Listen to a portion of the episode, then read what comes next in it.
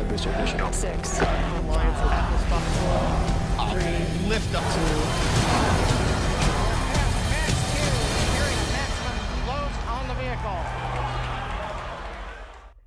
És akkor kellemes délután kívánunk mindenkinek. Visszatértünk a szokásos Q adásunkkal. Üdvözlök mindenkit! Amíg kapjuk a visszajelzéseket, addig én szeretném üdvözölni a mai kollégákat. Itt van velünk Zoli, ki már nagyon régen nem volt itt. Hello, hello mindenkinek, sziasztok! He is back. Fölötte Yeah. Dávid, Sziasztok, hello! fölötte Bence, Hello, hello, sziasztok! én pedig Szabi vagyok, és így négyen fogjuk ellátni a házmesteri feladatokat a, az élőadásban a mai napon. Üdvözöljük mind a 200 nézőt, azt hiszem ez egy, ez egy nagyon frappáns indítás, azt kell, hogy mondjam. Tényleg le a kalappal. En, ennyien nem is voltak talán még soha kezdésnél, úgyhogy Lehet azért, csak nem mert... valami oka van. Az, Mhm. erre gondolok, én is csak Mhm. erre tudok gondolni, hogy val- valami tö- történt, vagy mi, mi történik.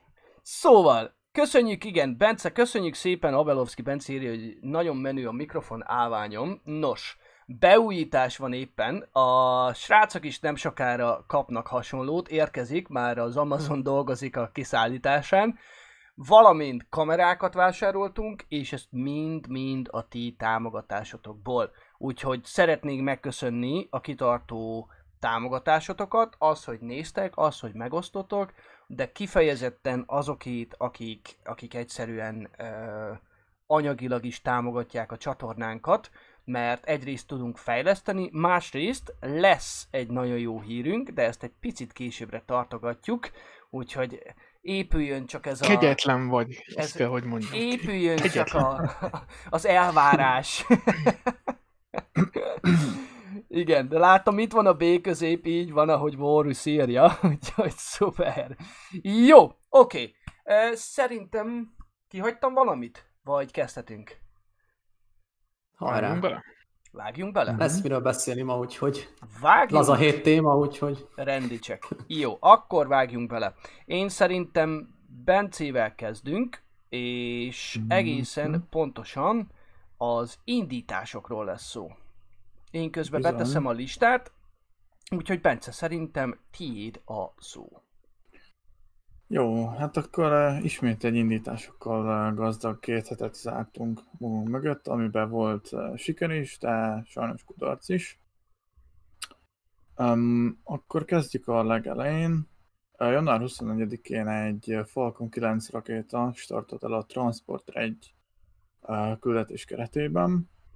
A misszión 133 kisműholdat, illetve CubeSatot, tehát ilyen um, 10x10x10 cm-es kockaműholdat uh, indította a SpaceX, valamint 10 Starlink műholdat, és ilyen Starlink műholdakat most először poláris pályára. Uh, ezzel a SpaceX újabb uh, rekordot, világrekordot állított fel, ugyanis a legtöbb egyszerre indított műholdak száma eddig 101 volt, és ezt az Indiai űrkutatási szervezet, vagy röviden ISRO tartotta, akik eh, 2017-ben egy PSLV rakétával 107 műholdat állítottak pályára, és ezt most a SpaceX um, hát új rekordot döntött a 144-jel. Uh, ahogy említettem, a felbocsátott 10 Starlink eh, műhold az, az első poláris pályán, és Elon Musk Twitteren azt nyilatkozta, hogy ezek már rendelkeznek lézeres kommunikációs eszközökkel, tehát eh, egymás között is tudnak adatot továbbítani föld körüli pályán, és így sokkal kevesebb földi állomásra lesz szükség, szüksége a SpaceX-nek, és később ezt már az összes Starlink műholdon alkalmazni fogják, nem csak a poláris pályán keringőeken. És még az is kiderült, hogy több mint 10 ezer Starlink beta felhasználó van már regisztrálva világszerte, tehát eh, tényleg növekszik a Starlink usereknek a száma. Eh, Ezután, eh, Szabia, nem tudom, hogy a képek terén hogy állsz, mert kettő képet be. Uh-huh. Uh-huh. Igen, ez, uh, jó. Igen, igen.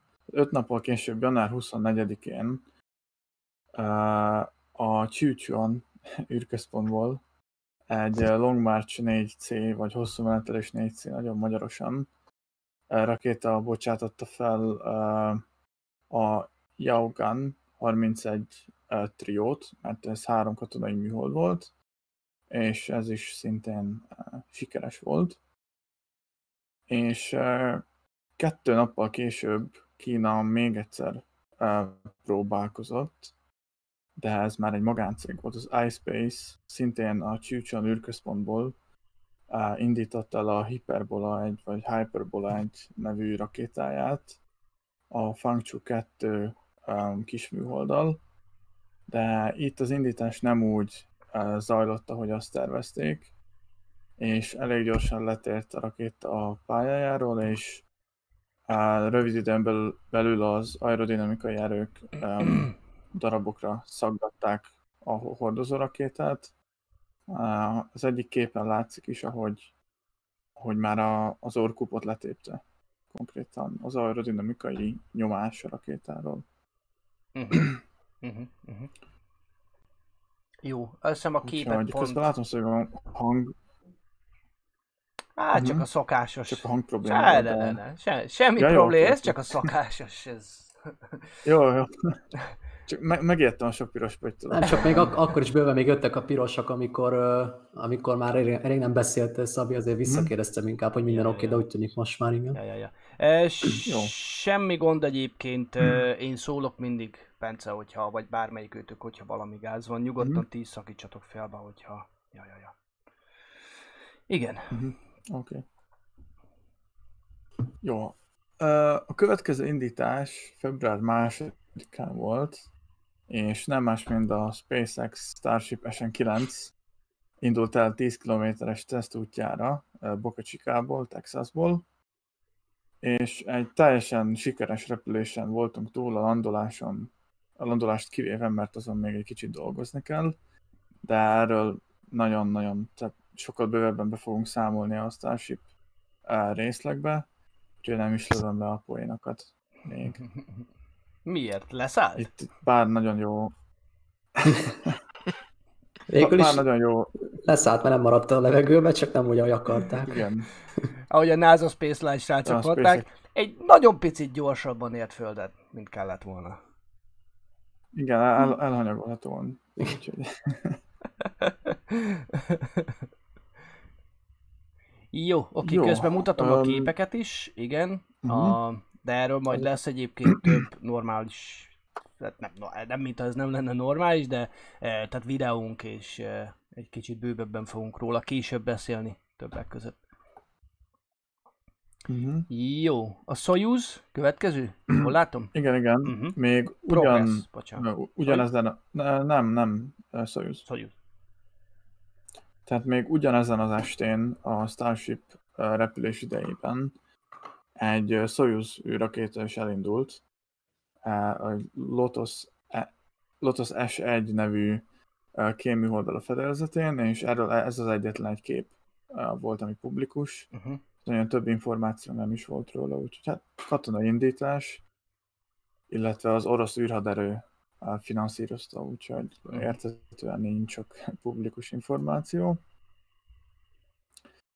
Um, aztán február 4-én a SpaceX elindította a Starlink 18 küldetést Cape Canaveralből, és Szabi uh, szerintem van pár jó képet a Mhm. küldetésről. Foglald Lehet össze felvenni nyugodtan, szót. hogyha nem tudom, besz, mondasz róla pár szót, fogsz, vagy, vagy tervezel? Csak hogy mi történt. Hát- Alapvetően minden, minden rendben ment. Persze, igen, tehát teljes, teljes siker volt a küldetés, Uh-huh. és még az első fokozat is visszatért épségben. Azt a Transporter 1-nél is elfelejtettem mondani, hogy ott is visszatért az első fokozat. Uh-huh. Nos, voltam abban a szerencsés helyzetben, hála a jó Istennek, hogy, hogy megkockáztattam a felkelést mert ugye azért itt, itt, itt Nagy-Britanniában is azért itt elég komoly problémák szoktak ám lenni az időjárás tekintetében, és sikerült megörökítenem ezt az eseményt. Tehát mi történt? Ugye 6 óra 19-kor azt hiszem indult itteni idő szerint a, a Starlink 18. L19-es küldetése, és tudtam jól, tehát néztem a közvetítést, volt egy kis problémánk a nettel, ezért is nem szorgalmaztuk az élő közvetítést, és ezért úgy voltam vele, hogy akkor kihasználom a lehetőséget, és megpróbálom megörökíteni, és amit, tehát 21 perccel később itt repült át London fölött, olyan 70-75-80 fok a horizont fölött, és kicsit zavaró volt, mert a korábban indított vonat, tehát eh, Starlink műholdak egyébként folyamatosan jöttek, lehetett őket látni, sokkal halványabban ugyan, de lehetett látni egy egész kis vonat érkezett, és folyamatosan össze voltam zavarodva, hogy most ez az, ez az, nem ez az, nem az, ez az, ne, ne, nem ez az, e, na, ne, nem. És ugye azt tudni kell, hogy, hogy ugyanolyan, nagyjából ugyanolyan magasságban van, pontosabban ugyanolyan sebességgel közlekednek, a különbség az, hogy ez az újonnan indított ö, műhold, ez még, vagy műholdak, ezek még csak 200 valamennyi, picivel több mint 200 kilométerrel jártak a föld felszín fölött. És amit sikerült megörökíteni, először is ez, a, ez maga egy, egy animáció, itt látjátok, ez a nagyon-nagyon fényes, úgy képzeljétek el, hogy felénk közelít ez az egész. Tehát itt még össze van kapcsolódva a második fokozat és a 60 darab műhold.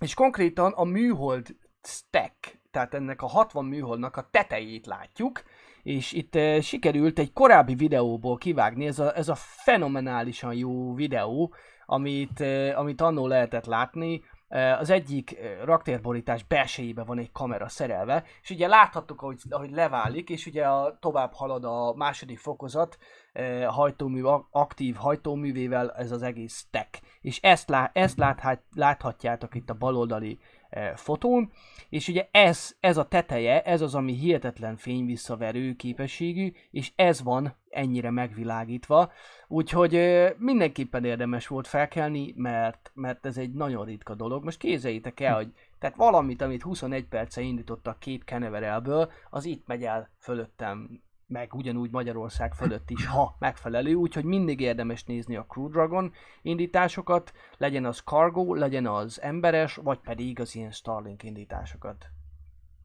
És akkor... Sőt, bocs, csak ugye pont beszéltük valamelyik nap, még tőled kérdeztem, hogy ugye, hogyha Nauka, az orosz Mm. tudományos modul megy majd ugye pro, Proton rakétával, és ugye az ISS pályára indítják természetesen azt is, na az biztos egy jó látvány lesz majd. Igen. Igen, igen. Mert jó nagy modulról van szó. Igen. Hát eleve ugye látványos lesz, ahogy, ahogy a, a, a mostani, az MS-16-os progresszel húzzák le a, a Pierce modult, ugye? A következővel. A de majd 17-tel. Beszélek az orosz hírekben Jó, jó, pont jó. erről. Jó, jó, Nem, jó. a 16-os, a 16-os az 16-os fog ö, itt menni. februárban indul majd, igen. Tehát, a, tehát az, ami most megy. Jól értem? Majd. Igen. Így van, így Na. van. Így van. Mindjárt, mindjárt megemlítem Jó, jó, egyébként, jó. mert ugye lesz még a... Jó. Oké. Jön is, megy is, az a lényeg. Jó, Bence, mit tegyek még bemond? Um, hát még van pár kép Uh-huh. egyébként. Oké. Um, még február 4-én, tehát ez a legutolsó, uh, legfrissebb indítás, ami már megtörtént. Uh-huh. Uh, szintén kínai. A, egy Long March 3B uh, rakétával indítottak egy távközlési műholdat a Xichang űrközpontból. Um, hát igazából nem tudom, mit lehetne hozzáfűzni, mert kínai indításoknál mindig úgy vagyunk, hogy tudjuk, hogy megtörtént, mert van róla videó, és nagyjából ennyi az összes információ. Úgyhogy um, elvileg ez is vitatott, hogy most ez katonai műhold vagy sem, de szerintem ne is menjünk vele, mert, mert elég sokat lehetne erről is beszélni. Erről nincsen fotó, Bence, ugye? Um, Nincs, szerintem, Elvileg. mert a következő már Ez Falcon nincs, 9. akkor Mm. Jó, akkor, akkor elfelejtettem. Na mindegy. Semmi gond, semmi Úgyhogy- gond. Vagy legalábbis én nem Kb. látom. ugyanolyan, mint az összes többi, úgyhogy semmi különbség. Um, akkor a közelgő küldetések, uh, kettő um, Uh, kettő Starlink uh, misszió is lesz. Ezt páran már 12-én. kérdezték egyébként, hogy ezzel mi újság van, tehát hogy akkor kettő indul egy nap. Um, nem. Uh-huh. Uh, február 12-én és, és 15-én csak látom Szabi, hogy te a képen nem, uh, nem írtad át, mert ugye először rosszul küldtem el neked. Ja, ja, ja. Jó, De nem, tehát, uh-huh. tehát fe, fe, február 12-én nem megy kettő Starlink, az egy, a, a Starlink 17, az 15-én megy. Uh-huh. Tehát, uh, három most-. Tehát most az a szituáció, hogy egy korábbra tervezett küldetés később megy, Igen. és egy későbbre tervezett korább megy, tehát korábban megy, tehát Hát most már kétszer. Ez már Már annyira már meg van keverve egyébként. Tehát eddig is meg volt keverve, mert ugye a Starlink számozása nem volt egyértelmű, és most, hogy összedobálták őket, most már tényleg követ. Most már teljes csőd, igen. Már 18 már ugye fölment. Igen. És lehet, hogy a 19 is előbb megy fel, mint a 17, de mindegy. Igen, igen. Szeretnék kihangsúlyozni, hogy a hiba nem a ti készüléketekben van. Ez, ez ennyire összezavaró, úgyhogy ha valaki szenved, Nem, akkor bocsánat, SpaceX sem segít benne, mert ugye már például YouTube-ra is csak újra kell föl, hogy következő Starlink Mhm. küldetés, tehát jó lenne megmondanák, hogy akkor most ez 18-19 legyen így, és akkor mindenki... Én, már én, én azt olvastam erről, csak bocsánat egy szó, aztán vissza, megy egy mondat, és visszadom Bence a szót, hogy ugye a 17-es küldetés az a, az LC39A-ról indul majd, és ráadásul az egyik flotta vezető, vagy flotta vezér, vagy nem is tudom ezt magyarul, hogy lehetne, flotta vezető Falcon 9-szel, és ezért ö, folyamatosan ellenőrzik inkább a, a rendszereket, a SpaceX mérnökei, tehát ami, amilyen hivatalos ö, bejegyzés volt mindig a Twitteren, hogy miért halasztják, általában mindig ezt írták, hogy további időt adnak a szakembereknek, hogy átvizsgálják az egészet, tehát uh, itt, itt erről van szó,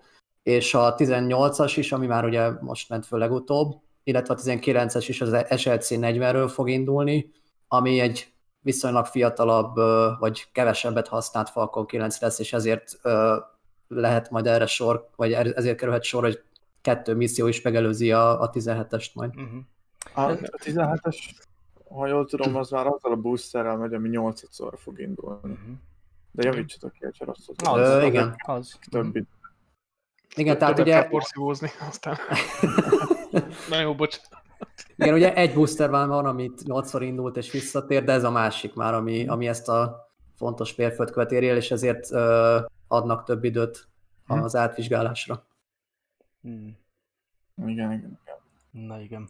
Azt egyébként hozzáteszem, Ö, hogy az az SLC 40-es, ezt eh, ha esetleg valaki valamikor esetleg mondjuk angol nyelvű adást néz, akkor ezt nagyon sokan előszeretettel hívják Slick 40-nak. Eh, Ez az SLC 40-es, ez a beceneve, ne kérdezzitek, hogy miért Hm. eh, ez a beceneve, úgyhogy ha esetleg azt halljátok élőben angolul, hogy Slick 40, akkor az az SLC 40-es indítóállásra vonatkozik, ha jól tudom.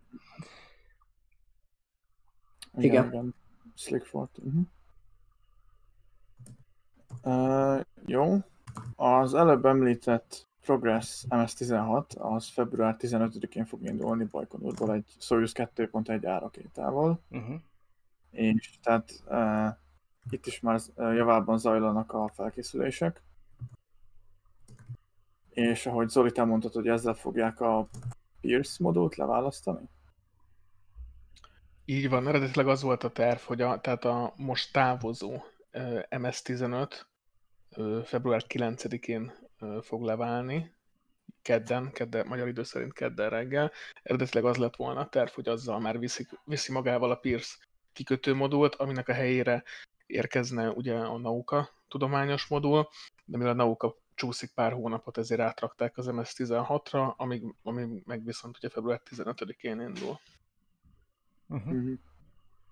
Hát az nagyon nagy lesz És- egyébként. Az egyik, az egyik legnagyobb változás az ISS életében, amit nem beszélve az új napelemtábrákról, de remélem azt is, nem tudom, hogy Mhm. az is gondom benne lesz, Zoli. A, Rövid, nem készültem vele, de röviden el tudom majd mondani. De okay. folytasd nyugodtan, Bence, okay. indításokat. Jó, már az ut- utolsó indítás, ami a következő két hétben várható, az február 20-án uh-huh. a Northrop Grumman Antares rakétájával fog felmenni a 15. Cygnus, amit SS Catherine Johnson-ra kereszteltek el, és tehát Catherine Johnson egy NASA um, matematikus volt a, az Apollo küldetések idején, és őre uh, többször hivatkoztak úgy, mint egy emberi számolgép, tehát űrhajóknak a pályáját tudta a saját maga egyedül kiszámítani, úgyhogy tényleg egy nagyon nagy, um, tehát zseniális uh, szakember volt. Uh-huh. Hát róla, róla szól ugye a Hidden Figures című uh-huh. film. Ugye magyarul talán a számolás joga?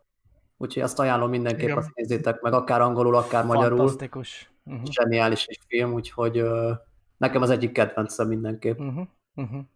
Hihetetlen életút, és talán ő, ő azok közé tartozik, aki, aki igenis példa, hogy, hogy, hogy teljesen mindegy, hogy honnan jössz, teljesen mindegy, Mhm. hogy, hogy milyen, mi van mögötted, meg milyen családból származol, hogyha tényleg kitartó vagy, és, és, és van hozzá, akkor, akkor tényleg bármit elérhet az ember.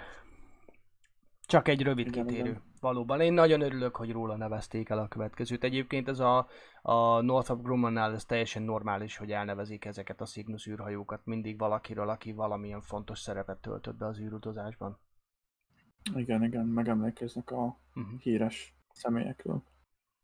Uh-huh. Jó, és szerintem ezzel be is fejeztük az indítások uh, részleget, úgyhogy Uh-huh. um, Szabi még egy kicsit vársz a nagy bejelentéssel, vagy, vagy hogy lesz? Hát majd, a, majd ha a megfelelő szekcióba érünk, akkor A reklámszünet után, hogy Jó, tartsatok velünk. Akkor, akkor átadom a szót Dávidnak. De nagyon komoly bejelentésünk van számotokra. Ez game changer lesz remélhetőleg. Jó, akkor mi legyen a következő? Hogy vagyunk? Pillanatra nézek. Uh, SLS. Ilyen, az oroszok jönnek, nem? Jönnek, az már a Spice-ban vannak. Már a Spice-ban vannak, jó, akkor bocsánat. úgy hallottam. Jó, Már ilyen, itt már egy nyert meg dál, meg ilyenek vannak, úgyhogy. jó. Én, Zoli, akkor beteszem a cikket, jó? Vagyis hát már Ojjaj. keverem is be, hogyha, hogyha mehet részedről. Mehet abszolút. Ö, Jó. Ugye Bence már egy kicsit beszélt a progresszekről, egy picit ö, még jobban ugye, csak szeretném kifejteni, hogy ö, miért volt ilyen kavarodás, illetve ha már progressz a, az MS-16, mint ugye Bence említett, hogy február 15-én magyar idő szerint reggel indul majd a, az űrállomásra, hogy igen, ugye azt említettem, tehát ugye 10, tehát az MS-15, ugye 9-én ö, vál majd le, már majdnem másfél hete amúgy pakolja, pakolták amúgy a szemetet a teherhajóba, és ez még aznap a csendes óceán fölött is, fölött lé- lép majd be a légkörbe, és ott el is ég. Ugye minden progress teherhajó így, így működik. És ugye érkezik az új, az MS-16-os, és a különlegessége pedig az, hogy egy az, hogy rengeteg utánpótlást szállít majd az űrállomásra, üzemanyagot például 420 liter ivóvizet is visznek föl, meg természetesen friss ételt, kaját, gyümölcsöt, zöldséget, ahogy szokták ilyenkor. Viszont a hasznos, illetve a rakomány közt lesz majd egy javítókészlet, és tudom, hogy nagyon sokan érdeklik meg, szokták kérdezni, hogy mi van a repedéssel, mi van a szivárgással a nemzetközi űrállomáson. Tehát az MS-16 viszi fel azt a készletet, amivel ö, le akarják zárni véglegesen ezt a repedést, ami a Zvezda modulnak az át, átmeneti moduljában van, és ehhez megy fel a javítókészlet. Ugye ez az első szivárgásnak a helye, amit tavaly találtak meg. Ezt aztán ugye lezárták, itt, itt volt ez a híres történet, hogy ilyen tealevelekkel találták meg, hogy ahol szökött a levegő.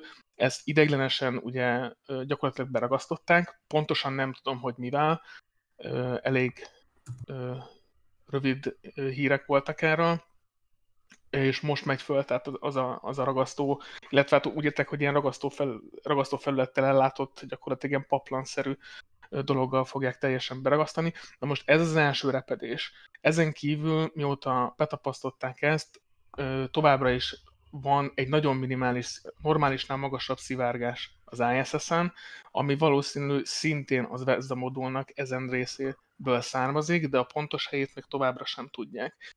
És ebbe a progresszbe visznek föl olyan, olyan dolgokat is, amivel ezt fogják majd keresni, tehát a második repedésnek a helyét továbbra is, tehát nem olyan ö, szivárgás van a nemzetközi űrállomáson, hogy, hogy ne lennének biztonságban az űrhajósok, csak akkor is ugye szökik el a légkör nagyon kis mértékben, ami természetesen nem jó, mivel a, a, az erőforrások ezáltal vesznek el. Úgyhogy én azt olvastam, hogy amint felmegy a Progress MS-16, az első az lesz, hogy véglegesen lezárják ezt a kis repedést, és a másodiknak pedig neki állnak keresni, mert speciális eszközök is érkeznek majd hozzá. Ö, amit még akartam, ugye ezt már beszéltük is, ugye, hogy a Nauka tudományos modul, a felkészítése továbbra is zajlik, ö, volt egy kisebb csúszás, most a jelenlegi állás szerint májusban vagy júliusban indulhat fel, ugye Bajkonurból majd egy Proton M rakétával indítják majd, ugye, hát több mint 20 tonnás modulról van szó, a, maga a Nauka ö, a Zvezda modulnak volt amúgy a, a tartalékja, amikor a Zvezdát gyártották, tehát egy több mint 20 éves modulról van szó, éveken keresztül átépítették, nem is akarok belemenni a történelmébe, mert borzalmasan hosszú és körülményes, de eljutunk 2021-be végre az, hogy tehát az oroszoknak is lesz egy tudományos moduljuk, ami szerintem nagyon-nagyon jó, és ugye a Zvezdának a föld felé néző, Szabi segíts, Nadir. A föld felé a Nadir, így van. Az a Nadir az... portjára fog uh-huh. Igen. Amit jelenleg a Pierce kikötő modul, illetve légzslip foglal most el. A Pierce-t amúgy évekig használták az orosz űrséták helyére, viszont nem régiben, illetve még tavaly decemberben volt egy orosz űrséta, akkor már a Poiskot használták, ami gyakorlatilag megegyezik a Pierce-el. Ugye ki kellett azt is próbálni, mert a, a Poisk is több mint tíz éve fönn van, de nem indítottak onnan soha űrsétát de most már ez is megvolt, úgyhogy majd ez a Progress MS16 fogja levinni ezt a Pierce kikötőmodult, illetve légzslépet, és annak a helyére érkezik majd a Nauka. Amúgy majd a következő orosz állandó személyzet, akik ugye majd az Expedíció 65-nek a részét fogják képezni, ők három orosz űrhajós lesz, de ezt most ki is javítom magam, mert úgy tűnik, hogy lehet, hogy egy amerikai űrhajós is megy velük, de még nincsen hivatalos. Ugyanis a harmadik orosz űrhajóst őt visszaléptették most, egészségügyi okokra uh, hivatkozva, vagy valami ilyesmi. Mindegy, nem akarok belemenni, mert elég És akkor a szokásos egy fél pillanat közben jelzem a srácoknak, hogy elszálltunk egy pillanat, és hozom vissza őket. Az ilyenkor szokásos Ups. Írjátok meg, hogyha esetleg Jó, most, már most hoztalak vissza benneteket. Oké. Okay. Na. Visszatértünk. Jó. Visszatértünk. Az, el, az elmúlt fél perc elszállt. Csak szólok. Aha. Jó, akkor szerintem nagyjából ott hagytam abba, hogyha hallottátok, hogy az Expedíció 65 orosz része majd, tehát az orosz személyzete fog űrsétákat majd elvégezni, uh-huh. és tudomásom szerint legalább 5 vagy 6 űrsétak áll majd ahhoz, hogy például a naukát teljesen összekössék az uh-huh. űrállomással. Uh-huh. Ugye rengeteg kábelt kell majd összekötni, és ez majd folyamatosan fog megtörténni. Uh-huh. Úgyhogy igen, tehát izgalmas év lesz a nemzetközi űrállomáson, és ez nem kimondottan orosz hír, de hogyha Szabi már szóba, ugye megemlítetted ugye az új napelemeket, amiket terveznek, uh-huh. annak is az előkészítése már a következő amerikai űrsétán elkezdődik, ami nem ebben a hónapban lesz, de azt hiszem, nem még annak nem ö, nem határozták meg a pontos idejét, de az uh-huh. elkövetkező két űrsét, amit a mostani ö, állandó személyzet fog ö, végrehajtani, azon már készítik elő például. Uh-huh az új napelemeknek a helyét, és majd a következő CRS SpaceX küldetésen fog fölmenni, például az első csomag, és akkor úgy fogják majd felszerelni, uh-huh. de pontos határidőket még nem tudunk, de az előkészítés már zajlik, úgyhogy nagyon is, azon kívül, hogy ö, milyen sok küldetés megy majd a nemzetközi űrállomásra, jelentős fejlesztések is lesznek. Zoli, gyorsan megnéztem, február 28-án lesz az űrséta. Legalábbis a következő? Ja, igen, és Victor Glover és. Glover. Kate Rubins fogja előkészíteni a napelemeknek a helyét. Igen, ugye Viktor Glover most a, ő ugye újonc űrhajós, az előző két űrsétán ugye Mike hopkins ment, ugye Mike Hopkins vezette, tehát ő volt az elsődleges ugye, ugye űrsétáló, és akkor most a harmadikon már a, a Mike, illetve a Viktor Glover lesz a, a piros csíkos, mert az elsődleges küldetésvezetők ilyenkor az űrsétán. Csak egy rövid kiegészítés, Zsombok Gábor írta, hogy a Zarya modul tartaléka volt a Nauka, az utolsó TKS alapú modul. Jó, Ö, így van. de alapvetően mindenképpen hatalmas változás lesz. Szerintem most a, a, a- közeljövőt tekintve mindenképpen ez a két dolog lesz a legnagyobb változás az ISS életében. E, ugye a Nauka modul, másrészt pedig ugye ezek az új napelem táblák, amivel, amivel meg tudják növelni az energia e, hasznosított energia mennyiségét, mert ugye folyamatosan nő az elvégzett ö, kísérletek száma, úgymond a nemzetközi űrállomáson, és a következő években folyamatosan azt várják, hogy egyre intenzívebb lesz a, a, a tudományos munka a nemzetközi űrállomás fedélzetén, ezért is volt fontos, hogy ezeket a napelem táblákat egy kicsit ö, frissítsék, úgymond, Ö, kicsit ö, hatékonyabb, a mai technológiai színnek megfelelő Ö, Még egy pillanat, mert. Pápai Misi írja, és ez egy tök jó kérdés, uh-huh. el is felejtettem rá kitérni, ugye, hogy valószínű, úgy, hogy megy föl NASA űrhajós is majd a következővel, mondom, itt nincsen még meg, megerősítve semmi. Ez valószínű annak a feltétel, amit a Misi is ír, hogy a következő CRS, CRS, na bocsánat, tehát a Crew 3-as SpaceX küldetésen, azt tudom, hogy már folynak a tárgyalások, hogy az első orosz űrhajós is részt vegyen. uh-huh. Ö, Ugye nincsen semmilyen hivatalos információ még, tudtom, ma oroszok nem is tréningeznek egyelőre a Kennedy űrközpontban, de tudom, hogy zajlanak a tárgyalások, hogy végre így is mm, együttműködés legyen, és lehet, hogy hogyha bejelentik, akkor tényleg az lesz, hogy megint csak Soyuzokon lesz, hogy amerikai űrhajós, illetve a kereskedelmi amerikai űrutakon pedig végre oroszok is ö, utaznak majd. Hmm. Na hát úgy legyen. De még nincs hivatalos info, tehát Hát, hogyha jól emlékszem, akkor Dimitri Rogozin valami olyasmit nyilatkozott, hogy szerintük a Crew Dragon nem elég biztonságos, de ezt meg a Hát- DM2 küldetés idején nyilatkozott. Igen. Ez, ez körülbelül olyan, mint hogy írom ezeket a orosz hír összefoglalókat az oldalra, és a kedves olvasókat is szeretném megkímélni ettől, mert hetente vannak a Dimitri Rogozinnak olyan kijelentései, hogy a, az ember a fa, falat kaparja legszívesebben. Ö, igen, vannak ilyenek, de azért próbálunk arra fókuszálni, hogy tényleg űrhajós vagy szakmai szemmel, ugye, hogy mi az, ami megvalósítható, és mi az, ami nem. A politika megint egy másik része az egésznek, tehát próbáljuk azt mellőzni. Jó, szólj Zoli, hogyha meg vagy.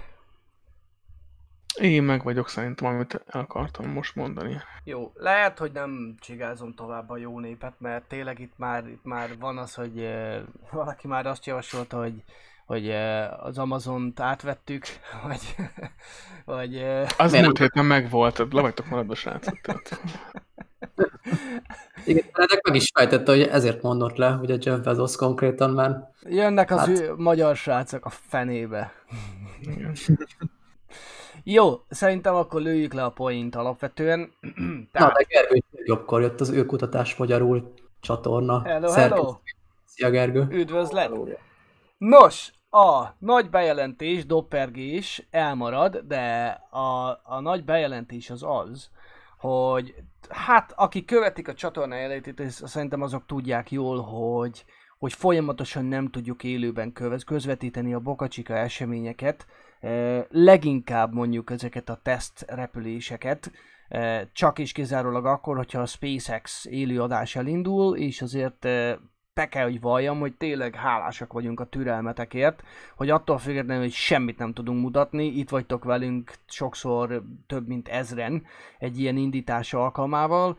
Eh, Hála a jó Istennek, eh, ugye a puhatolózásunk talán úgy néz ki, hogy, hogy eh, siker koronázza, ugyanis találtunk egy csapatot, én teszek itt be egy videót, és találtunk egy csapatot, akik úgy néz ki, hogy, hogy elképzelhető, hogy tudunk velük együttműködni. És ez egy, ez egy nagyon kezdetleges kezdeményezés, arról szól, hogy ezek a srácok szintén ugyanabban a cipőben voltak, mint mi, szerették volna, szerették volna tovább közvetíteni mondjuk a NASA Spaceflight vagy bármelyik csatorna élő adását, de egyszerűen nem volt rá lehetőség. És most jött ez a lehetőség, az Infinite Aviation YouTube csatorna. Egyébként meg tudjátok őket nézni, nem titkos, nincsen semmilyen uh, szuper titkos dolog, amit nem mutathatnánk meg uh, tőlük. Uh, bárki felmert, meg tudjátok nézni ezt a csatornát, és úgy néz ki, hogy tárgyalunk velük. Ez nem lesz ingyenes, uh, egyértelmű, mivel hogy egyrészt ők a szabad idejüket áldozzák fel, és úgy néz ki, hogy, hogy bizonyos felárért, ami órabéres, ki hajlandóak nekünk tovább adni ezt a streamet. Na most, ha minden igaz, ez a fix pozíció, tehát ez a kameraállás. Na most ez nem feltétlenül a legjobb, azt mondták, mert a nap pont olyan irányból süt majd, ami kicsit nehezebbé teszi a dolgunkat. Ezért keresnek egy másik helyszínt, már van rá úgy néz ki ötletük, hogy hova, és hogyha, tehát van egy ilyen e, megállapodásunk, hogyha például 10 órát streamelünk velük, akkor teljesen tetszőleges kérésünkre, amikor kimennek a Bokacsika e, SpaceX telepére, akkor a mi kérésünknek eleget tesznek. Tehát ha mi azt szeretnénk, hogy mondjuk lőjenek mondjuk e, felvételt a, a High vagy akármiről, ami ott van Bakacsikában, azt megteszik nekünk. Azt még nem tudom, hogy ez pénzbe fog kerülni. Maga a streamelés bizonyosan igen. Tehát ez, ez, ez elől nem lehet kibújni, de nézzétek a jó oldalát, amit a NASA Spaceflight, a Lab Padre, a, a Everyday Astronaut, a South Padre nem engedett, ezek a srácok megengedik. És megmondom őszintén, hogy óriási lehetőség van a kezünkben, mert most gyűjtenek fix kamerára, 24 per 7-es kamerára, és ha, ha ügyesek vagyunk, és együtt növünk velük, akkor elképzelhető, hogy pont a megfelelő pozícióban lehet, leszünk ahhoz, hogy, hogy hogyha esetleg még nagyobbra nőnek, akkor nőjünk velük, és, és igenis legyen belőle valami kézzelfogható eredmény. Úgyhogy ez még nem száz százalék, de nagyon, nagyon, tényleg nagyon tisztességesnek tűnnek egyenlőre, ez szerződésünk lesz, és a többi, és a többi, tehát úgy, ahogy ezt, ezt alapvetően kell csinálni. Úgyhogy reméljük, hogy ez működni fog. Természetesen nem tudjuk majd e, eléggé kihangsúlyozni a jövőben, hogy ehhez kérjük a ti segítségeteket, mert, e, mert mert mi ezt nem tudjuk saját zsebből finanszírozni, nem lesz, nem lesz feltétlenül túl olcsó, de nem is olyan túl eszeveszett összeg. Én azt mondom, hogy ha, ha a közösség lát benne fantáziát, akkor, akkor igenis számítunk a segítségetekre, ki amennyivel tud. Természetesen megtesszük a tőlünk telhetőt, próbáljuk lejjebb strófolni az árakat, de amit még most nem szeretnénk publikussá tenni, de, de igen, de e, itt, itt tartunk most egyelőre. És hát reméljük azért nem is olyan sokára már akár az első tesztre is sor kerülhet. Így van. De majd erről is majd picit később a Starship témánál beszélünk, hogy miért mondom ezt, de a lényeg, hogy nem fél év múlva lesz rá először lehetőségünk ezt kipróbálni, hanem talán előbb, mint gondolnátok. Vagy gondolnák. Jelenleg az a helyzet, hogy várnak egy, nem is tudom milyen streaming card, vagy nem is tudom pontosan, hogy milyen eszközre, körülbelül 7-10 nap, míg megérkezik, ezzel fogják tudni egy picit javítani a, a minőséget, addig semmiféleképpen nem fogunk semmit csinálni, de alapvetően mi a, a tesztrepülésekre értjük ezt a streamelést. Természetesen, megint csak mondom, ez, ez egy kicsit rajtatok áll, ha kapunk elég támogatást, akkor egyértelmű, hogy tudunk ettől függetlenül, tehát a tesztrepülésektől függetlenül is mondjuk egy statikus tesztet, vagy egy, vagy egy, egy bokacsika körbe kocsikázást esetleg akár finanszírozni. Ez tényleg csak is kizárólag attól függ, hogy a közösség mennyire tudja megtolni ezt a szekeret. Mi ki kibugáztuk ezt a lehetőséget, innen tényleg csak is kizárólag a közösségen áll, hogy, hogy, hogy ebből lesz-e valami, vagy nem. Úgyhogy meglátjuk. Krisztinának pedig azonnal meg is köszönjük az 1000 forintos támogatást. Én a Bocsika kem kamera. Bocsika kamera, éljen. Bocsika. az lesz az. Bocsika. Végül csak összeáll a poén, amit, amit nekünk szántál elnézést. Úgyhogy, úgyhogy örül, örülünk, ez a héten alakult, és tényleg eh, rettentően eh, várjuk a, a, a, a, az első tesztet. Természetesen biztos, hogy lesz valamennyi technikai malőr, eh, mert a srácok is most kezdték, de ja, ja, ja, ja, ja. Oké. Okay. Szerintem... Hát nem sok csatorna mondhatja el szerintem a világban, hogy úgymond saját streamet közvetít, tehát tényleg egy hatalmas lépés lenne nekünk is. Bizony, bizony. Bizony, bizony. És azért próbáljuk majd mi is promotálni őket, mert szeretnénk, hogy minél több olyan csatorna, mint mi ezt kihasználják, ezt a lehetőséget, ugyanis, hogyha minél több csatornát be tudnak húzni, kis csatornákat, akik ugyanabban a cipőben jártak, mint mi, az azt jelenti, hogy egyre több pénzt tudnak újra beinvestálni, csak úgy, mint mi, az eredeti e, dolgaikba, és és innentől kezdve jobb technikai kiszolgáltságot fogunk látni. Úgyhogy hát ez egy win-win abszolút. Ez, win-win helyzet mindenki Ha ez tényleg úgy fog összejönni, mint ahogy azt tervezzük, akkor itt, akkor itt, akkor itt nagyon jó. Tehát most azért egy esen teszt repülés előtt azért marha jó lesz már egy órával, vagy másfél el, előtte elkezdeni nézni, eh, hogy mi történik. Tehát ez mindenképpen egy, egy óriási előrelépés a csatorna életében. Igen, mert természetesen, amint a SpaceX ugye elindítja a saját streamjét majd, remélhetőleg nem csak az első párnál, hanem az összes jövőbeli Starship repülésnél majd élőben közvetítenek. Tehát onnantól értelemszerűen átváltunk majd arra. Tehát ez, a, amit most Szabi felvázolt, ez addig lesz lehetőség, amíg ugye a korábbiakban csak statikus képet tudtunk nektek ugye mhm. mutatni. Most konkrétan folyamatosan élőben tudjuk majd látni együtt, hogy mi zajlik éppen, ugye a felkészítés alkalmával is, vagy során, és amint a, SpaceX elindítja a streamet, akkor már az ő adásukat tudjuk majd közvetíteni. Uh-huh. Uh-huh. Uh-huh. Igen. Igen. Ez a, ez a cél alapvetően.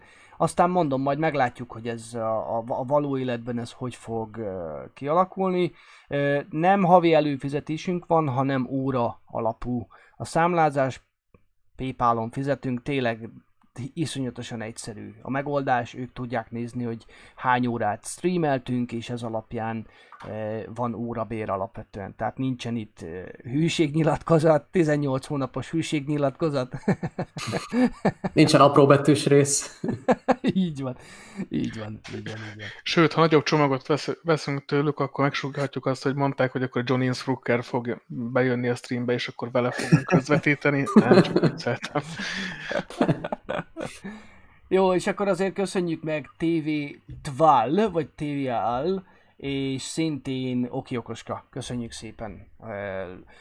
Alapvetően tényleg, ha én, amit, hogyha elfogadtok tőlünk egy tanácsot, használjátok a Patreon-t, elég széles skálán készítettünk támogatási lehetőséget, ezt bármikor tudjátok változtatni, le vagy fel, upgrade-elni vagy downgrade-elni, ugyanis a Patreon vesz, bele, vesz a, a ti támogatásotokból a legkevesebbet. Tehát ezzel tudjuk maximalizálni azt, hogy a ti támogatásotok legnagyobb része tényleg kerüljön arra a célra és felhasználásra, ami amit szeretnétek. Természetesen a Superchat lehetőség továbbra is fent áll, és nagyon szépen köszönjük. Csak mondjuk, hogyha esetleg valaki a membership tehát itt a tagságon gondolkodik, akkor inkább a Patreon, amit megtaláltak lent a linkben. De akkor ez lett volna, én azt mondom, hogy a csatorna promo, vagy legalábbis a fejlemények szekció, és szintén Malibunak köszönjük az 1000 forintos támogatást. Köszönjük. Jó, akkor szerintem haladjon tovább a műsor, és a következő az Inspiration 4 küldetés, ha jól, ha jól gondolom. Igen. Uh-huh. Inspirálódjunk egy kicsit. Inspirálódjunk um, egy kicsit, így van. Én közben, én közben behúzom a képeket, jó? Jó, alapvetően uh, semmi különös sorrendje nincs a képeknek, úgy. Jó. Uh, teljesen mindegy, hogy mi meddig van. Oké. Okay. Február másodikán a SpaceX bejelentette, hogy egy privát Crew Dragon missziót fognak még idén indítani, várhatóan még um, idén év végén. Uh, és ezt úgy értem, mint privát, hogy teljesen privát, uh, tehát teljesen magán um, tőkéből lett finanszírozva, és a másik érdekessége pedig az, hogy az, a teljes személyzet um, mint uh, civil emberekből fog állni, tehát egyetlen egy hivatásos űrhajós sem lesz a személyzet uh, tagja. És uh, ilyen még, ha jól emlékszem, nem fordult elő a, eddig az űrhajózás történetében, hogy legalább egy hivatásos űrhajós ne utazott volna a fedélzetem. Hmm. Úgyhogy ez egy újabb um, mérföldkő lesz az űrutazás történetében. Um, maga a, a küldetés finanszírozója az Jared Isaacman, ő a Shift for Payments cégnek az alapító és vezetője, és um, ő, ő állja a teljes költségét ennek az utazásnak, ami várhatóan kettőtől négy napig fog tartani, és a Crew Dragonnal alacsony földkörüli pályán fognak keringeni ez idő alatt. A négy um, a, a, négy, a négy tagú személyzetnek ugye a, a kapitány az Jared Isaacman lesz. Ő neki már van uh, pilóta múltja, tehát nem lesz neki nagyon um, nagyon nagy újdonság az űrhajós kiképzés, és a Szabi, amit képeken láthatunk, hogy ő neki a kiképzése már zajlik. Tehát ő már a Crew Dragonban is tréningezik, illetve a SpaceX is együttműködik egy valószínűleg jó ideje. És tulajdonképpen az egész küldetésnek a lényege az az, hogy a St. Jude gyermekkórháznak tudjanak támogatást gyűjteni. Um, ha jól emlékszem, ez rák betegséggel foglalkozik ez a kórház, Uh-huh. és ő nekik gyűjtenek támogatást, és a személyzet egyik tagját a, a gyermekkórház személyzetéből fogják kiválasztani. A, a személyzet harmadik tagját azt az amerikai, bármilyen amerikai állampolgár tulajdonképpen tombolán kisorsolják. Te, um, azt hiszem a legkisebb költség az 10 dollár a, részvétel a tombolán, Uh-huh. és bármilyen amerikai állampolgársággal rendelkező személy tud jelentkezni az űrrepülésre. A negyedik tag pedig egy vállalkozó lesz, akit, ha jól tudom, a Shift for Payments cég fog kiválasztani. Tehát így lesz. Um, Hát egy webáruházat Amúgy. kell azt hiszem nyitnia, tehát a negyediknek, és, hogy, és ugye a, a Shift for Payments-nek a szolgáltatását kell igénybe venni, és hogyha olyan az egésznek a profilja, ugye, ami szimpatikus a szervezőnek, akkor kiválasztják őt.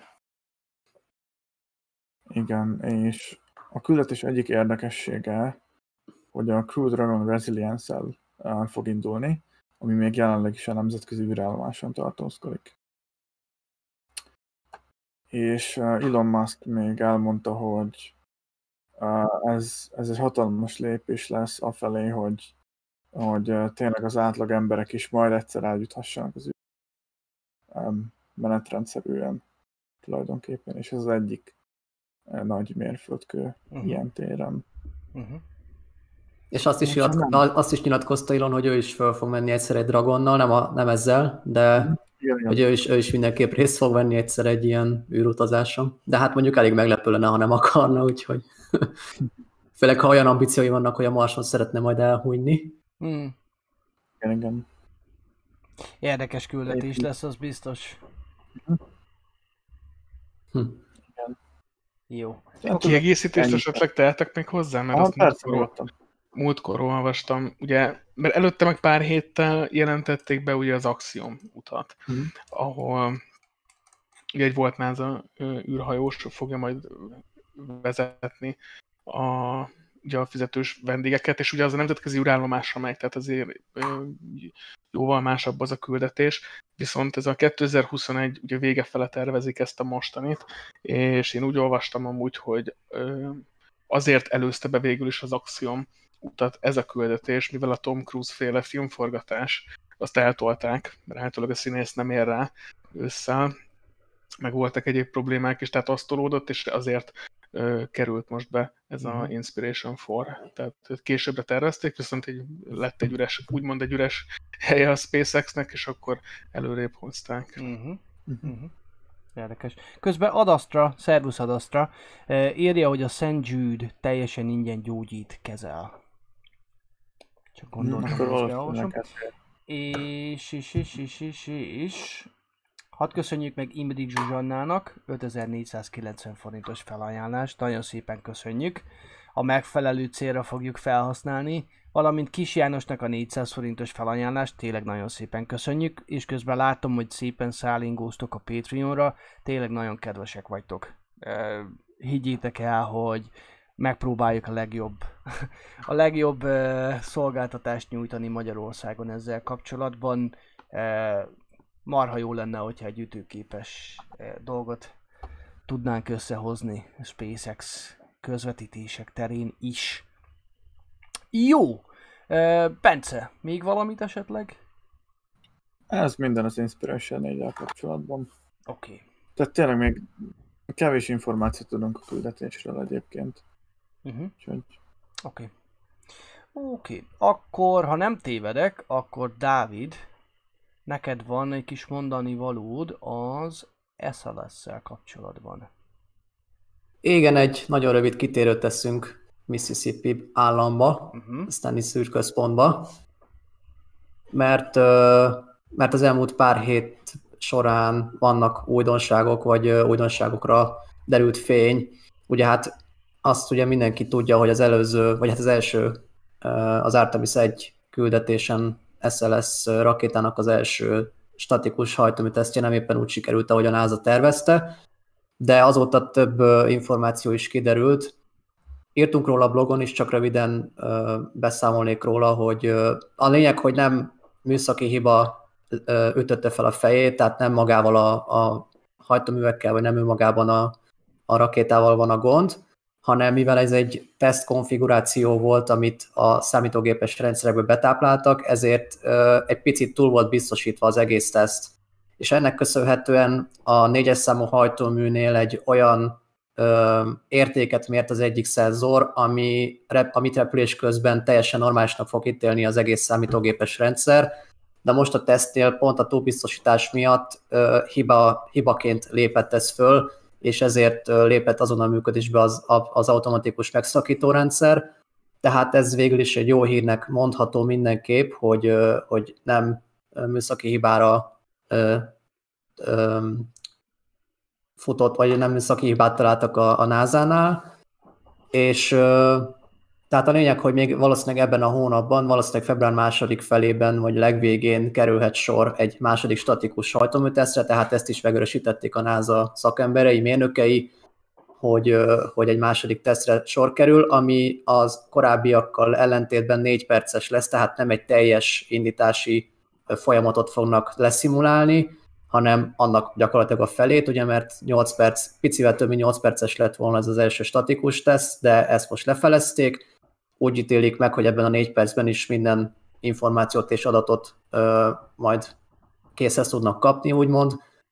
És közben, amit Szabi, Szabi berakott, ez pedig a másik rövid hír, hogy ö, közben január 28-án egy új típusú, valószínűleg már egy E-specifikációjú RS-25 hajtóművet tesztelt a NASA. Ez a másik ö, teszt állás, tehát ez az A1-es, ugye a B2, B2-nél van jelenleg is ugye az Artemis egy hordozó rakétája, az első SLS rakéta, ugye, és ez az A1-es ö, tesztállás, ahol egy darab RS, RS-25 hajtóművet teszteltek, ami viszont már a későbbi Artemis küldetésekhez ö, kerül majd beszerelésre, tehát valószínűleg a né- négyestől fölfelé. Ugye jelenleg most három Artemis küldetés van mindenképp lefixálva, ezekhez korábbi űrsiklókból származó RS-25D specifikációjú hajtóműveket fognak használni. Összesen ebben még 16 darab van ugye a NASA-nak, tehát bőven még tartalékkal együtt is kijön a három út. Ugye egy, egy SLS rakéta négy ilyen hajtóművel rendelkezik, tehát összesen négy ö, küldetésen tudnák felhasználni ezeket a hajtóműveket, de egyelőre most csak három tesztút, vagy bocsánat, nem tesztút, hanem három küldetést erősített meg ugye a NASA, és ezt az egy hajtóművet, amit 28-án teszteltek múlt pénteken, most már múlt előtti pénteken, az gyakorlatilag a negyedik missziónak, tehát egy továbbfejlesztett változata lesz majd a negyedik missziótól fölfele, hiszen ezeket az RS25E specifikációjú hajtóműveket eleve már csak egyszer használatosra tervezik. Ezek igazából apró módosításokat jelentenek a hajtóműben, de mégis azért tesztelni kell, és egy, egy ilyen hajtóműnek a tesztelésére került sor. Tehát ennyi, ennyi kis plusz információ van az SLS programmal kapcsolatban. Szerintem ennyit kb. így, amit most erről el szerettem volna mondani gyorsan. Egy gyors update. Jó, oké, köszönjük szépen. Közben láttam, hogy a, a 400 fölé sorran néha a nézők száma. Üdvözlünk mindenkit egyébként, akik most kapcsolódtak be. E, aki esetleg lemaradt volna, vagy nem rég érkezett, beszéltünk indításokról, beszéltünk orosz hírhírekről, az Inspiration négy küldetésről, most Dávid összefoglalta az SLS híreket, és ezután következik szerintem Bencének a Mars szondákkal kapcsolatos összefoglalója, és utána beszélünk az SN9 tesztről, valamint a Starship fejleményekről.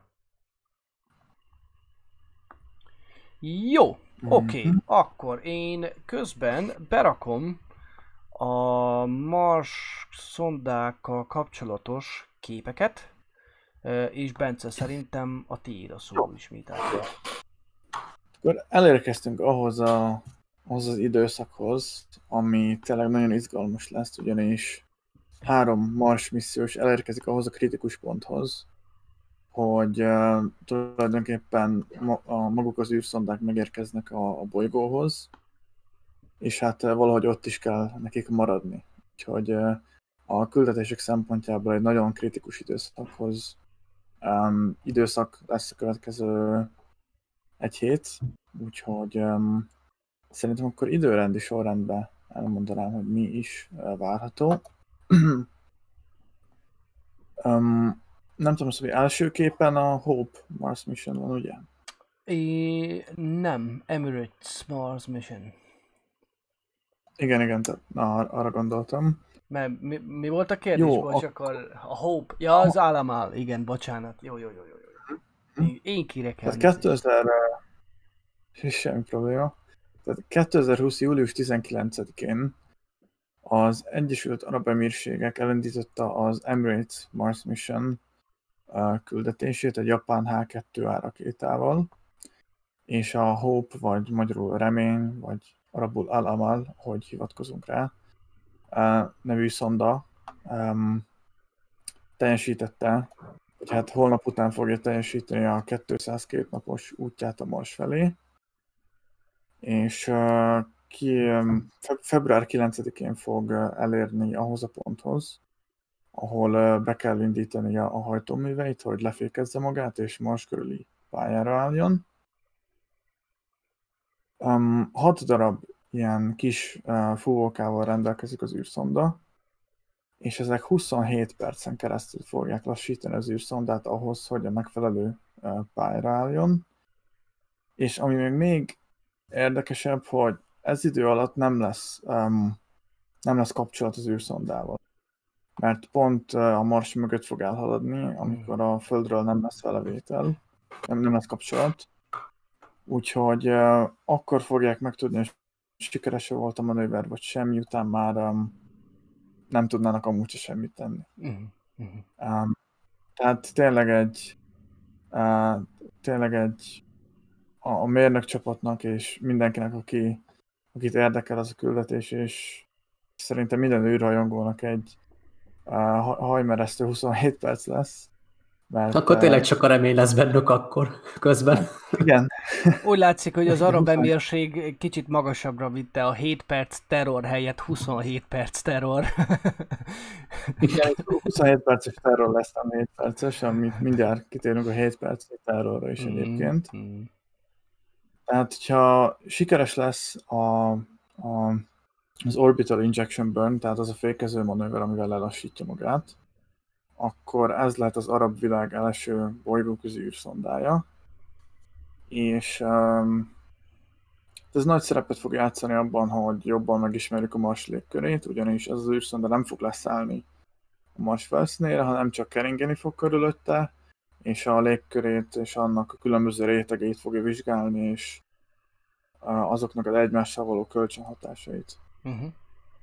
Ez csütörtökön fog megtörténni, tehát két nap. Akkor ezzel az, a, a Hope Mars Mission szerintem um, le, is, le is zártuk. Uh-huh. Egyébként, hogyha van valakinek kérdés, ez nyugodtan felteheti.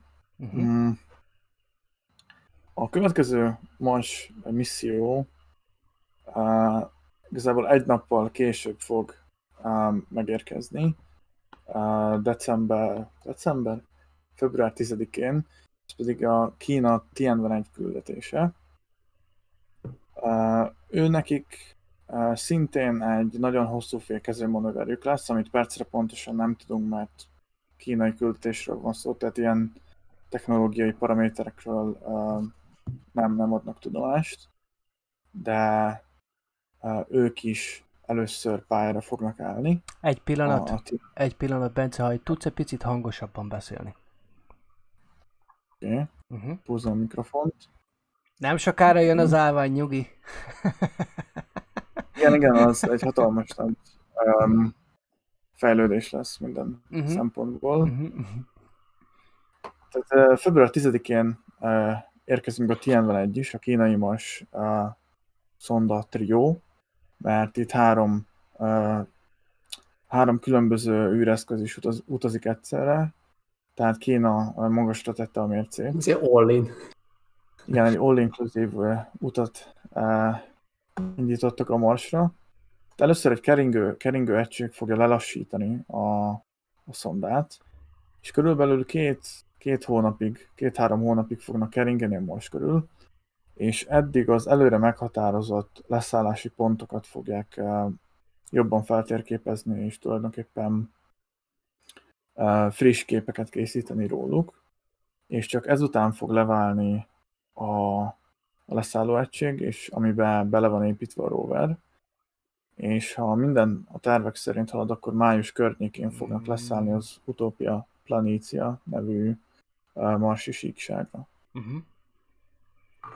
És Elnézést akkor a, lett az néz... első, na, Elnézést a nézőktől, csak közben kicsit össze-vissza voltak a fotók ö, a Perseverance-t láttátok, most, most vannak a megfelelő fotók, ha minden igaz. A Long March, ugye? Igen.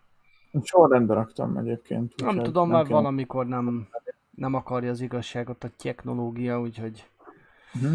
Tehát ez két nappal később indult egyébként, mint a Hope, Uh-huh. és a a kínai Wenchang űrközpontból ö, indult, ez egy Long March 5 rakétával. Közvetítettük.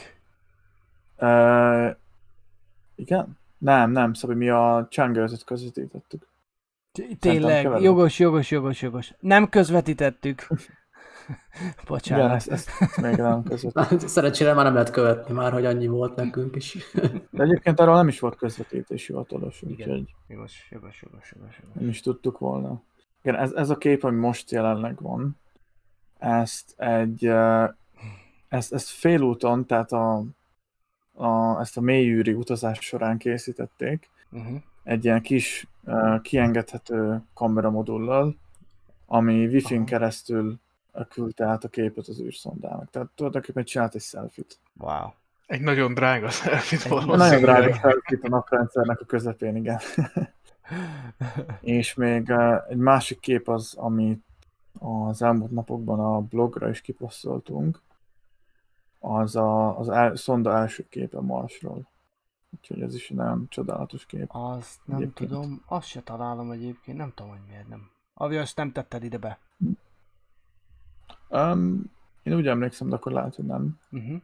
Jó. Minden, mindegy. egyébként Facebook csoportban is bent van, szóval. Uh-huh. És igen, tehát eh, ez 10-én fog megérkezni, és egy kicsivel több mint egy héttel később, február 18-án a NASA Mars 2020 küldetésé, küldetésének a keretében a Perseverance uh, Marsjára és az Ingenuity uh, marsi helikopter, és megérkezik a Mars, Marshoz. Itt az előző kettő küldetéssel ellentétben nem lesz pályárállás, hanem itt egyenesen um, egyenesen bele zuhannak a Mars atmoszférájába, és a, a súrlódás segítségével lassítja le magát majd az űrszonda. Um, itt, itt 7 percnyi terror lesz, ugyanis eddig tart a, az a, a, a, leszállás az a része, amikor is nincs jel az atmoszferikus ionizáció miatt, mert ugye amikor a szonda um, 12 km per másodperces sebességgel neki csapódik, a, idézőjelesen neki csapódik a Mars atmoszférájának, akkor uh, igen forróra fölhevül körülötte a marsi atmoszféra. Hmm. Úgyhogy itt szintén nem lesz vele rádiókommunikáció. Hmm. De e- ezt a feladatot a Mars, Recon- Mars Reconnaissance Orbiter fogja betölteni a leszállás után. Tehát az a keringőegység fogja továbbítani a NASA-nak az adatokat rögtön azután. És ha minden igaz, akkor mi is tervezzük közvetíteni a leszállást, mert a NASA is fogja adni idézőjelesen élőben a leszállást, úgyhogy... Mindenkit szeretnék megnyugtatni, hogy szabadságon van akkorra, úgyhogy Úgyhogy mindenképpen hatodik hazakadit leszünk valamilyen formában, ha csak a technológia meg nem állít minket, de nem akartam a véletlenre bízni, meg még van egy kis szabadság, amit el kell lőjek. Úgyhogy pont jól jön ki. Csak egy dolog, egyébként két dolog. űrkutatás magyarul csatorna következő videója a Perseverance eh, roverről fog szólni, úgyhogy mindenképpen figyeljétek a csatornát. Másik pedig egy kis poén, látom, hogy megkérdezte, valaki bedobta a kérdést korábban, hogy hogy konkrétan kinek a neve megy a Marsra, és akkor valaki írta, hogy az enyém meg a nejemé is. Nem tudom, nem, nem tudom elségetni a gondolatot, a Brian élete jut az eszembe a végén, mikor kérdezik, hogy ki a Brian? Én vagyok Brian, én meg a nejem vagyunk Brian. Körülbelül ez a poén ugrott be, ha már volt korábbi epizódokban Brian ez is, úgyhogy én is a nejem vagyunk Brian. Jó, eh, nem tudom, Bence, van-e még ezzel kapcsolatban? Hát még max egy a, a, a, a kis érdekesség, hogy a Perseverance Marsáron vannak azok a mintatároló uh, ilyen kapszulák, amivel majd a 2030-as években terveznek mintát visszahozni a vörös bolygóról. Tehát azok már ott vannak. Tényleg ennyi. ennyi, ennyi az egy kicsit furcsa lesz egyébként. Az egy kicsit furcsa lesz, hogy most alapvetően, tehát mintákat fog venni, de majd, majd valamikor egy későbbi küldetés során fogják hazahozni őket, talán. Valahogy. Ha jól tudom.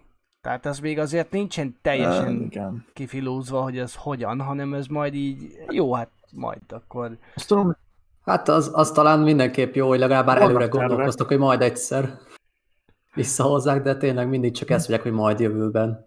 Valamikor. Igen. igen. De alapvetően nem is tudom, hogy melyik Én műsorban beszéltek tudom, erről. A koncepció... Mm, mondjad, Bence. Mondd, Bence.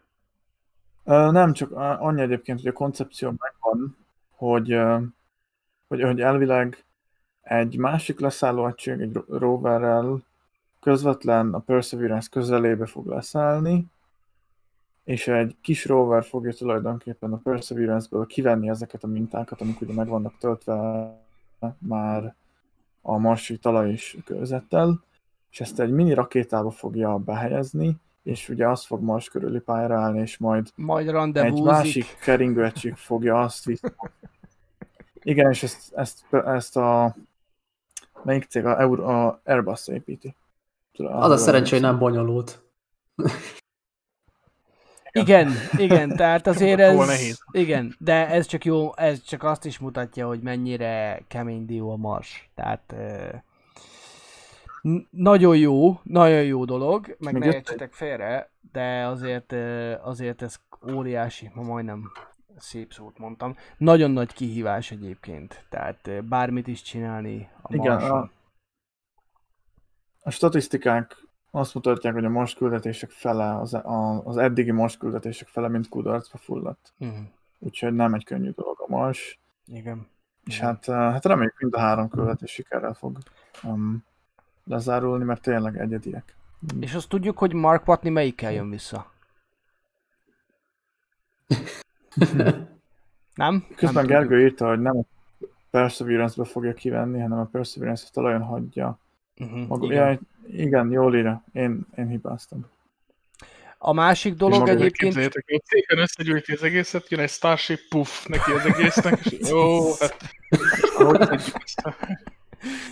Na de gyerekek, Szuper tényleg. jó lesz, szuper jó lenne, ja, ja, ja. Egyébként annyi az előnye, annyi az előnye, amit legalábbis én hallottam, hogy ez még egy, egy teljesen steril minta lesz. Tehát nem tudni, hogy az emberi tevékenység mennyi, bár mondjuk azért elég nagy a mars, hogy azért ne szemeteljék túl, meg ne mikróbázzuk túl egyhamar. De az biztos, hogy azok a minták, azok még minden komoly emberi tevékenység előttről származnak. Tehát ha más nem, ebből a szempontból egyébként tök jó, hogy lesz, hogy ez lesz nekünk alapvetően. Tehát, vagy hát a tudományos világnak, nem nekünk, hanem konkrétan a kutatóknak. Közben jött két kérdés, ezeket meg gyorsan Jó. Uh-huh. Közben felkészülök az SN9-re. Mhm. Oké. Okay. Az első kérdés az, hogy Némától, hogy a kínai Mars rover és az amerikai ugyanolyanok, mik a különbségek.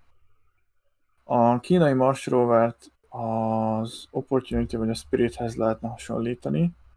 Um, jól emlékszem, a Opportunity 185 kilós volt, a kínai az 240 kilós lesz. Uh-huh. Tehát egy kicsivel nagyobb, mint, mint, a, mint a Spirit Opportunity páros, Uh-huh. de jóval kisebb, mint például a Curiosity Uh-huh. és uh, például ez, ezen is napelemek lesznek, uh, tehát nem uh, RTG, um, nem, nem plutóniumos áramellátása lesz. Úgyhogy igen, egy kisebb roverrel mennek a kínaiak. És a másik kérdés, hogy hogy a massárokat kézzel vezérlik, vagy automatizmus van bennük. Ha jól tudom, ezek teljesen automaták, tehát a küldetés irányítók meghatározzák, hogy hova kell menni, és a rover oda automatikusan um, tulajdonképpen elmegy. Az, a útkeresés, útkeresést azt a rover végzi. Ez már a Perseverance, ugye? Um, ez szerintem általánosságban. Uh-huh. Mert a Kérdezte. Curiosity azt hiszem nem volt erre képes, és talán, mint hogyha azt hallottam volna, hogy ez egy óriási eh, előnye lesz a Perseverance-nek, hogy, hogy viszonylag eh, jól tud autonóm módon tájékozódni. Ahogy mondott, csak megmondják, hogy hol szeretnék, hogy legyen, és ő saját maga fogja megtalálni a megfelelő utat. Nem pedig a, a gárdának kell úgymond eh, nagyon lassú eh, manőverekkel, így van, hogy akkor ott egy kavics, vagy ott egy kő, akkor inkább akkor is most balra, utána jobbra, hanem De konkrét- semmiképp sem úgy kell elképzelni, hogy valaki ül a joystick Nem, nem, nem. nem. Tehát ez abszolút erről van szó. Ahhoz túl nagy a távolság, hogy direkt eh, irányítás legyen. Igen. Jó. Még valami esetleg? Mars ügyben? Um, ez, ez minden. Vagy Mars a következő témára. Uh. Ó. Oké, akkor jó, akkor szerintem akkor ezzel megvolnánk, és és és és, akkor evezzünk át az SN9-re. Mert hogy ugye vártuk, és ugye hát nagyon megmozgatta azért a, a közösség fantáziáját mindenféle szempontból volt itt uh, FAA, uh, SpaceX adok-kapok, akkor ugye mikor megy azért ez a mind, majd holnap repül, majd holnap repül, ez szerintem ettől már nagyon sokan herótot kaptunk, hogy na majd talán holnap, és ez ment három hétig. De egyébként valaki írta, hogy egy nagyon elátkozott egy, egy dolog lehetett a, az SN9, mert, mert az elejétől kezdve tényleg, onnantól kezdve, hogy kicsit megdőlt, onnantól egy kicsit ilyen veszőfutása volt szegénynek, bárhogy is nézzük. De javítsatok ki, ha nem. Én közben betettem Hát a kicsit saját... hányatott sorsa volt, igen. Hát egy kicsit. Én közben betesz, beteszem a saját videónkat, én ezt el is indítom, és akkor Dávid, akár, ha gondolod. Mm. Ö, egyébként nyugodtan folytasd Szabja szeretnéd, mert te olvastál jobban utána az FAA SpaceX Jó, csörtének, akkor, akkor vagy kezdjük ezzel. csak egy pár mondattal még, és Mhm. akkor utána a fejlemények, jó? Jó. Az, az úgy. Jó. Alapvetően én, tehát van egy nagyon jó cikk, amit mindjárt be fogok linkelni. Volt egy, egy, egy cikk, amiben egész konkrétan hát elég komolyan beleszáll a, a cikk írója, egyébként szakértő, de elég komolyan beleszáll az FAA-be. Ez a, segíts ki, az amerikai légügyi Amerikai légügyi hivatal. légügyi hivatal. Szövetség, szövetségi, szövetségi légügyi hivatal egész pontosan, Köszönöm. tehát Federal Szövetség. Igen, tehát hogy, hogy, hogy meglehetősen elavultak, akkor ugye olyanokat, olyan dolgokat írt róla, hogy, hogy, hogy amíg az 50-es, 60-as években kőkeményen tudtak tesztelni, az, az hogy lehet, hogy közben elvesztették ezt a, ezt a, ezt a fajta képességüket, és, és hogy teljesen meg kellene kerülni az FA-t, mert hogy az FA már egy ideje múlt valami, és nagyon jó a komment szekció alatta is, ebből felolvasnék egy pár dolgot, mert egyébként tényleg tanulni lehet belőle. Tehát van Ilyet egy... még soha nem mondott senki, hogy nagyon jó a komment szekció. Ö, igen, Ebben a formában még senki nem mondta szerintem. Ez kivételesen jó. Tehát van egy, van egy úriember, ha majd esetleg olvassátok, akkor az úriember egészen pontosan, hát nem találom meg, nem is mindegy, nem is ez a lényeg. Azt mondja, hogy azt írja, hogy Ha jól, ol- bocsánat, ha jól, olvas, jól olvastam, konkrétan Elon Musk is az gyakornoka volt még a Silicon völgyben. Igen, annó. Tehát igen. azért nem egy kis ember. Igen, igen, igen, jó, hogy ezt mondod, így van. És azt írja, hogy először is nem, ö, nem szabad elfelejteni, hogy a, hogy a, hogy a Boca Chica területre vonatkozó biztosítási összeg, amit az MPL nevű cég, egy ilyen harmadik fél biztosít, 3 millió dollárról először felment 100 millió dollárra, utána pedig 198 millió, tehát majdnem duplájára, majdnem 200 millió dollárra nőtt az SN9 teszt esetében. Na most ugye, tehát mivel az MPL harmadik fél csak a nem érintett állam és magántulajdonra terjed ki, a lehetséges károk körének elemzése jóval a Boca Chica falun túlmutat, magába foglalja ugyanis a South Padre szigetet, Port Isabelt, valamint a kapcsolódó ipari és lakóterepi fejlesztéseket. Tehát azért itt elég komoly, elég komoly már az a terület, amire kiterjed ez az egész teszt. Akkor Emlékez, emlékeztet arra, hogy az FAA egy szabályzó ügynökség, amelynek hatáskörét a kongresszus adja meg. Tehát nem csak az elnöknek, de konkrétan a kongresszusnak is köteles beszámolni a tevékenységéről, és az amerikai emberek érdekében működik. E, A SpaceX ma nem csinál mást, mint, a katonaság, mint amit a katonaság az 50-es, 60-as években. E, Az a különbség, hogy most ugye nincs hidegháború, de körülbelül hidegháborús e, stílusban vagy agresszivitásban úgymond teszteli a járműveit, ami teljesen új dolog, tegyük hozzá. Tehát ugye létezik most a SpaceX, ez egy civil szervezet, akik, akik rakétákat tesztelnek olyan nyilvános területen, ami nem erre a célra lett kifejlesztve. Ezt azért gondoljuk bele egy kicsit, hogy ott konkrétan emberek laknak. E, Az oké, hogy ürítik ki a bokacsiket, és szeretnék átvenni úgymond a terület e, jogát, de ettől függetlenül ez még nem a szituáció. Valamint ugye ez a jármű, ez egy olyan jármű, ami hogyha, tehát legrosszabb esetben azért itt elég komolyan, tehát hogyha, tehát tud akkorát pukkanni, hogy ablakok törnek be. Tehát, eh, tehát hogyha itt azért nem úgy mennek a dolgok, azért ennek nagyon komoly következményei lehetnek. Arra a megállapításra jut, hogy ebben a helyzetben alapvetően senki nem téved.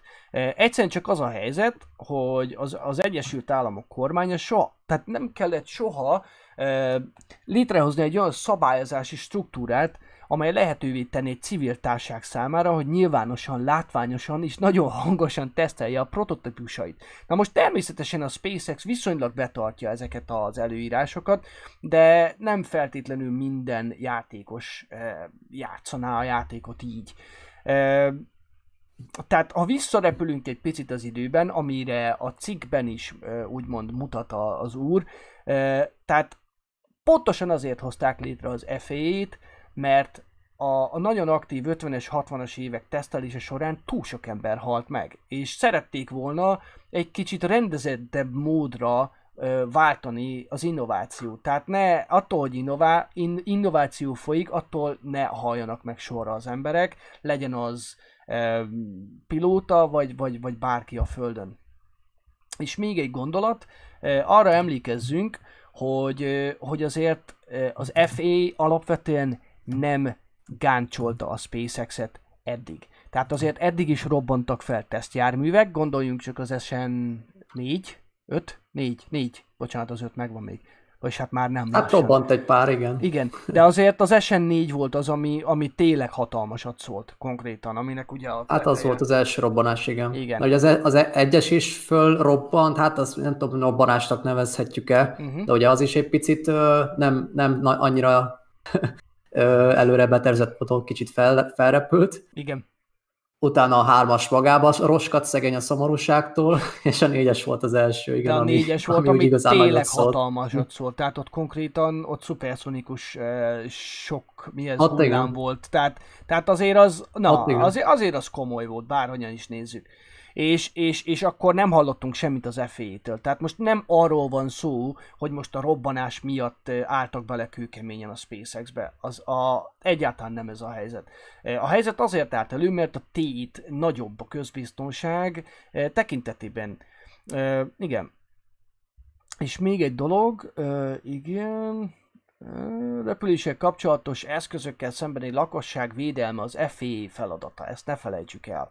Tehát ők azok, akik mindenért felelősek. Ez, ezt a helyzetet úgyis egyébként rendezni fogják, emiatt ne legyen senkinek álmatlan éjszakája, és az FAA továbbra is felelős marad, és, és igen is valószínű ők fognak létrehozni egy olyan szekciót, ami kifejezetten az ilyen cégeket, mint az ilyen, hogy mondják ezt, tehát eh, ilyen intenzíven ez a try and error féle tesztet űzik, mint amit a SpaceX, hogy igenis folyamatosan teszt, teszt, teszt, a tűrés határig is, és, és ugye ez sokszor ez azzal jár, hogy a dolgok felrobbannak. Úgyhogy bízunk benne, hogy ez szépen rendeződni fog, és a jövőben meg fogják találni egyébként a közös hangnemet. Egyébként március 12-én lesz e, egyfajta változtatás az FAI struktúráján belül, hogy pontosan mi azt nem tudjuk, ez is, ezt is ez az úriember írta, úgyhogy bízunk benne, hogy, hogy a megfelelő irányba e, történnek, de senki ne szidja az FAA-t, mert az FAA most, most e, Boeing 737 MAX ide vagy oda, teljesen mindegy. Ők azért vannak itt, hogy a, az emberi életeket és, és a, és a, a jelentős anyagi kár elszenvedéstől úgymond megóvják a, az országot, jelen esetben az Egyesült Államokat. Hát igen, és azért a SpaceX eléggé újdonságot jelent minden szempontból a megoldásaival, és ehhez viszont alkalmazkodnia kell az FAA-nek is mindenképp. Tehát ö, min, az az is biztos, hogy mind, tehát a SpaceX-nek is tanulni kell ebből, és az FAA-nek is. Uh-huh.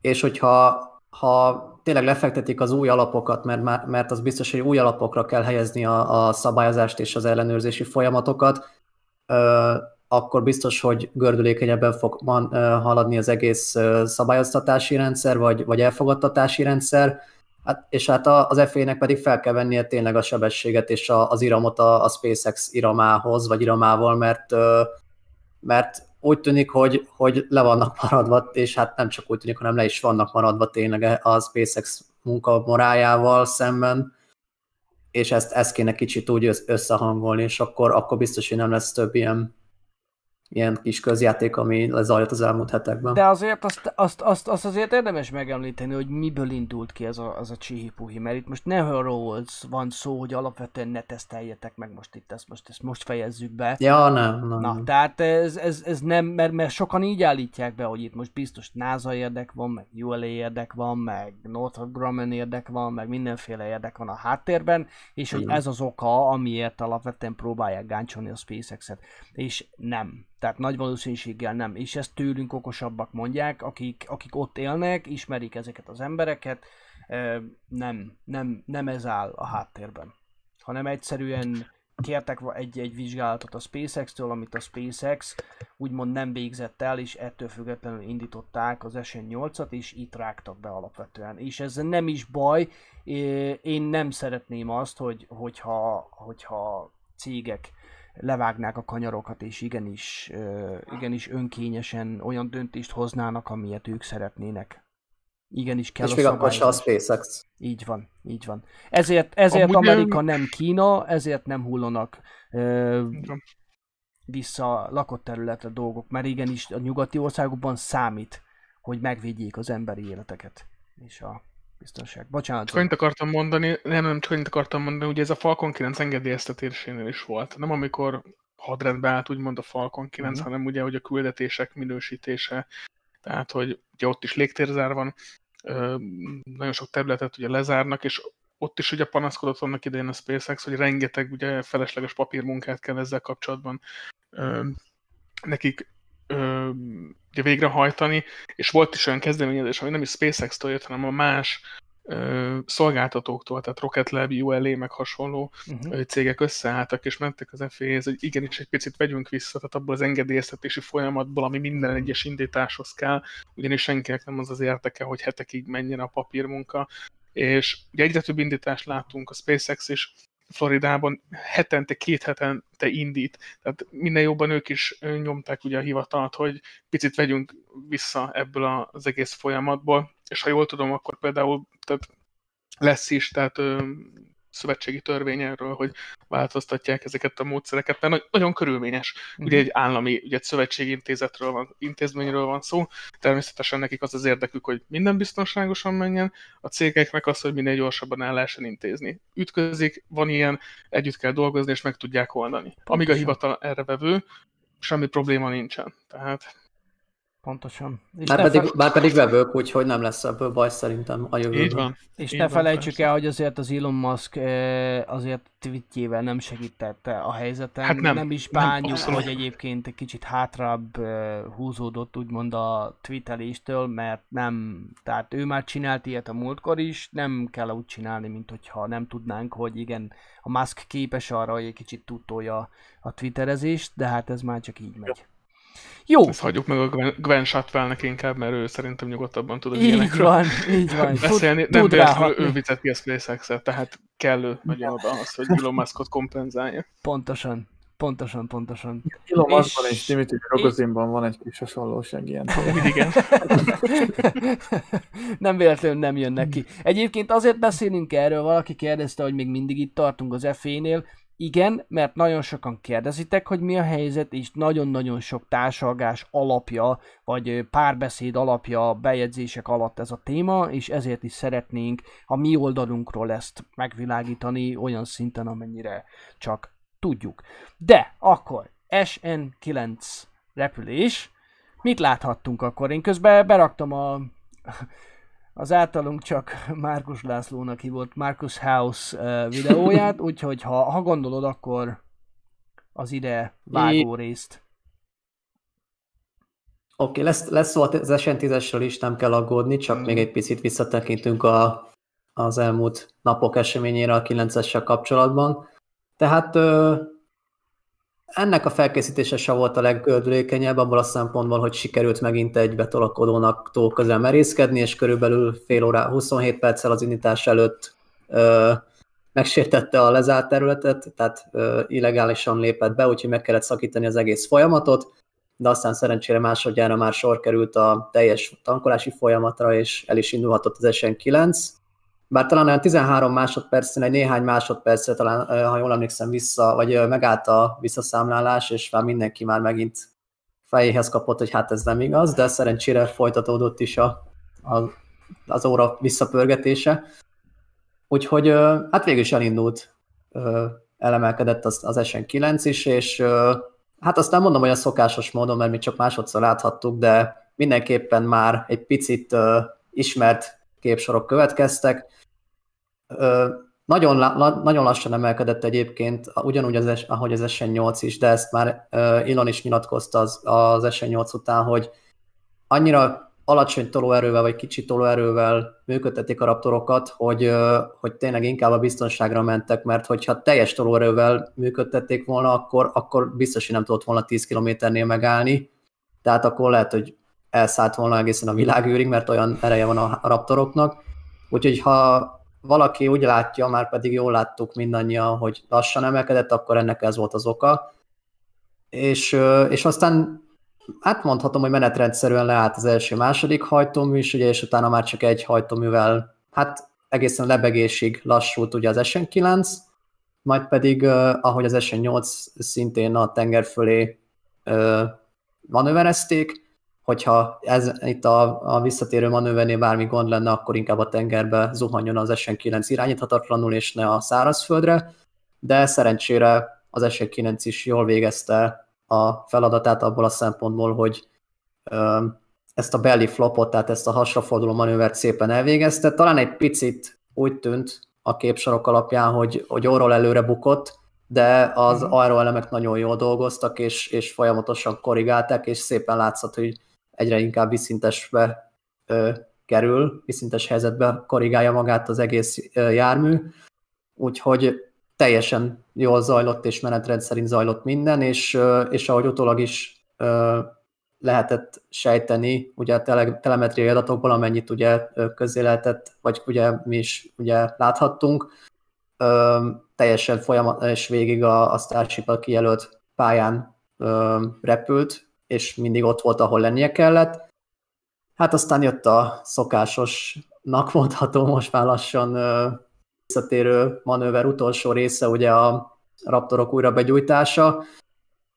Még az indításnál egy picit az egyik hajtóműnél lángcsóvák léptek föl, mármint az emelkedés során, és már itt, itt gyanítható volt, hogy valami nem stimmel, de folyamatosan egyébként működött rendesen mind a három hajtómű, úgyhogy nem tudom, hogy ez már egy hibára, hibának az előjele volt, de az biztos, hogy a visszatérésnél, amikor a Raptorok ismételt begyújtására került volna sor, akkor csak az egyik hajtómű gyulladt be teljesen, vagy indult be teljesen, szebben mondva, a másik pedig hát ilyen dadogva próbálkozott, de látszott, hogy, hogy teljesen nem pörgött föl a turboszivattyú, viszont folyamatosan több leváló darabot is figyelhettünk, ami elhagyta ugye az SN9 ö, szoknyáját idézőjelben, ugye ezt a szoknya, ugye, ahol a hajtóművek találhatóak. Uh-huh.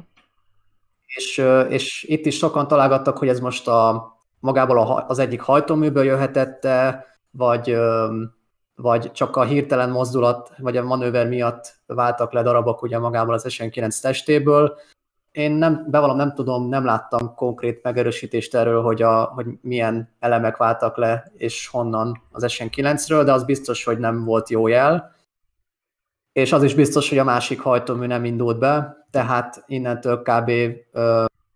Elveszett sajnos az SN9 sorsa megpecsételődött, hiszen az az egy hajtómű nem volt képes korrigálni ugye ezt a, ezt a visszafüggőlegesbe történő manőverezést, és kicsit túl is billent, és nem tudta már magát visszakorrigálni, tehát egy ilyen elég ö, nagy szögben ért végül talaj, tehát az S8-hoz képest ezért robbant is ekkorát, és ezért ö, repültek ennyire szét a darabjai, mert ugye hát egy kb. egy ilyen, ilyen szögben ért ugye talajt, és elég nagy sebességgel, úgyhogy ö, maga a földetérés az picit még ha mondhatom, hogy rosszabbul is sikerült, mint az SN8 esetében, de ami pozitívum, hogy a, a maga a hiba az valószínűleg csak a hajtóműben keletkezett, tehát nem, a, nem a, olyan hibáról lehet szó, mint az SN8-nál, hogy maga a, az üzemanyag ellátási rendszer volt hibás, tehát ez az új, bár ideiglenes, de új megoldás a héliummal, ugye a, a, az üzemanyagtartály, kiegészítő üzemanyagtartály megfelelő nyomáson tartása,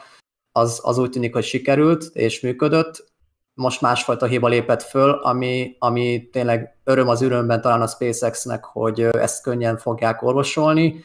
És hát ugye rögtön jöttek is a kérdések, hogy, hogy nem túl későn kezdik -e ezt a visszatér, vagy visszafordító manővert, ugye függőleges helyzetben nem kéne több hajtóművet beindítani, és meglepő módon Elon én először azt hittem, bevallom, hogy csak, csak szarkasztikusan válaszol, hogy hát hülyék voltunk, mert kb. így szó szerint ez volt a fordítás az egyik tweetjének, hogy bolondok voltunk, hogy nem használtuk mind a három hajtóművet, de utána több válaszában is ö, megerősítette, hogy de valószínűleg tényleg ö, buták voltak, akkor kicsit finomabban mondva, hogy nem mind a három hajtóművet indítják be ismét a függőleges helyzetbe történő visszatéréshez, és valószínű, hogy már az SN10-nél is ezt fogják alkalmazni. Az, hogy esetleg magasabban történjen ez, ez a visszafordító manőver, arra nem nagyon kerülhet sor, hiszen, hiszen ha túl magasan gyújtják be a hajtóműveket, az ugye plusz ö, üzemanyag felhasználást jelent, tehát valószínűleg nem is lenne meg, elegendő üzemanyag a, teljesen ugye a száraz a, a landolásig, tehát ugye amíg talajtér konkrétan a, a Starship, tehát valószínűleg ki van számolva egy, egy szint, amin, vagy egy, hát inkább úgy mondom, hogy egy ilyen peri, egy, egy tartomány, egy, egy magassági tartomány, amin belül ezt a manővert végre kell hajtani. Lehet, hogy egy pár méterrel ezt feljebb tudják ö, kezdeni majd, valószínűleg szükség is lesz rá, hiszen ez most annyira alacsonyan történik, hogy itt, ahogy láthattuk is, szinte esély sincs és idő sincs korrigálásra. Tehát, hogyha két hajtómű beindult volna, akkor sem biztos, hogy ez függőlegesen leszáll. Hmm. És, és ezt is mondta Ilon, hogy, hogy valószínűleg a, mind a három hajtóművet meg fogják próbálni, és a legkisebb erőkarra rendelkező hajtóműnél hajtóművetre is fogják rögtön majd állítani, hogyha mind a három hajtóművet sikerül beintani, hiszen önmagában a leszálláshoz, tehát a fékező manőverhez kettő Raptor bőven elég. Hmm. Hogyha mind a három működne folyamatosan, akkor konkrétan ismét emelkedni kezdene a Starship, tehát túlfékezni magát gyakorlatilag. Úgyhogy, úgyhogy kettő kell konkrétan a leszálláshoz, és ezt a harmadikat, tehát ugye gyakorlatilag mind a hármat csak azért, csak ilyen biztonsági és tartalék szempontból indítanák el, és amint megbizonyosodnak afelől, vagy hát a rendszer azt érzékeli, mind a három hajtómű be, beindult, így a legkisebb erőkarra rendelkező hajtóművet azonnal le is állítanák, és a másik kettő pedig, ahogy kell tenni a dolgát és lefékezni a megfelelő helyen és időben a Starship-et. Tehát... Hadd tegyem be, Abelowski Bence küldött nekünk egy rajzot, amit ő készített, és ő így vizionálja a három, most teszem is be, oké, mindjárt látjátok ti is. Tessék. Uh, nem, uh, közben az Infinite Aviation csatorna is megjelent a chatbe, úgyhogy Na. lehet, hogy köszöntenéd őket angolul akkor. Mm-hmm. Uh, lehet, aha, aha. néznek minket. Nagyon szívesen. Uh, hi guys, Infinite Aviation, thanks for watching our stream. Uh, it's very kind of you. we just explained to our viewers uh, what we are about to do together as a corporation. So um, if you want to say hi to the channel and the super chat, be our guest. Nice to see you guys.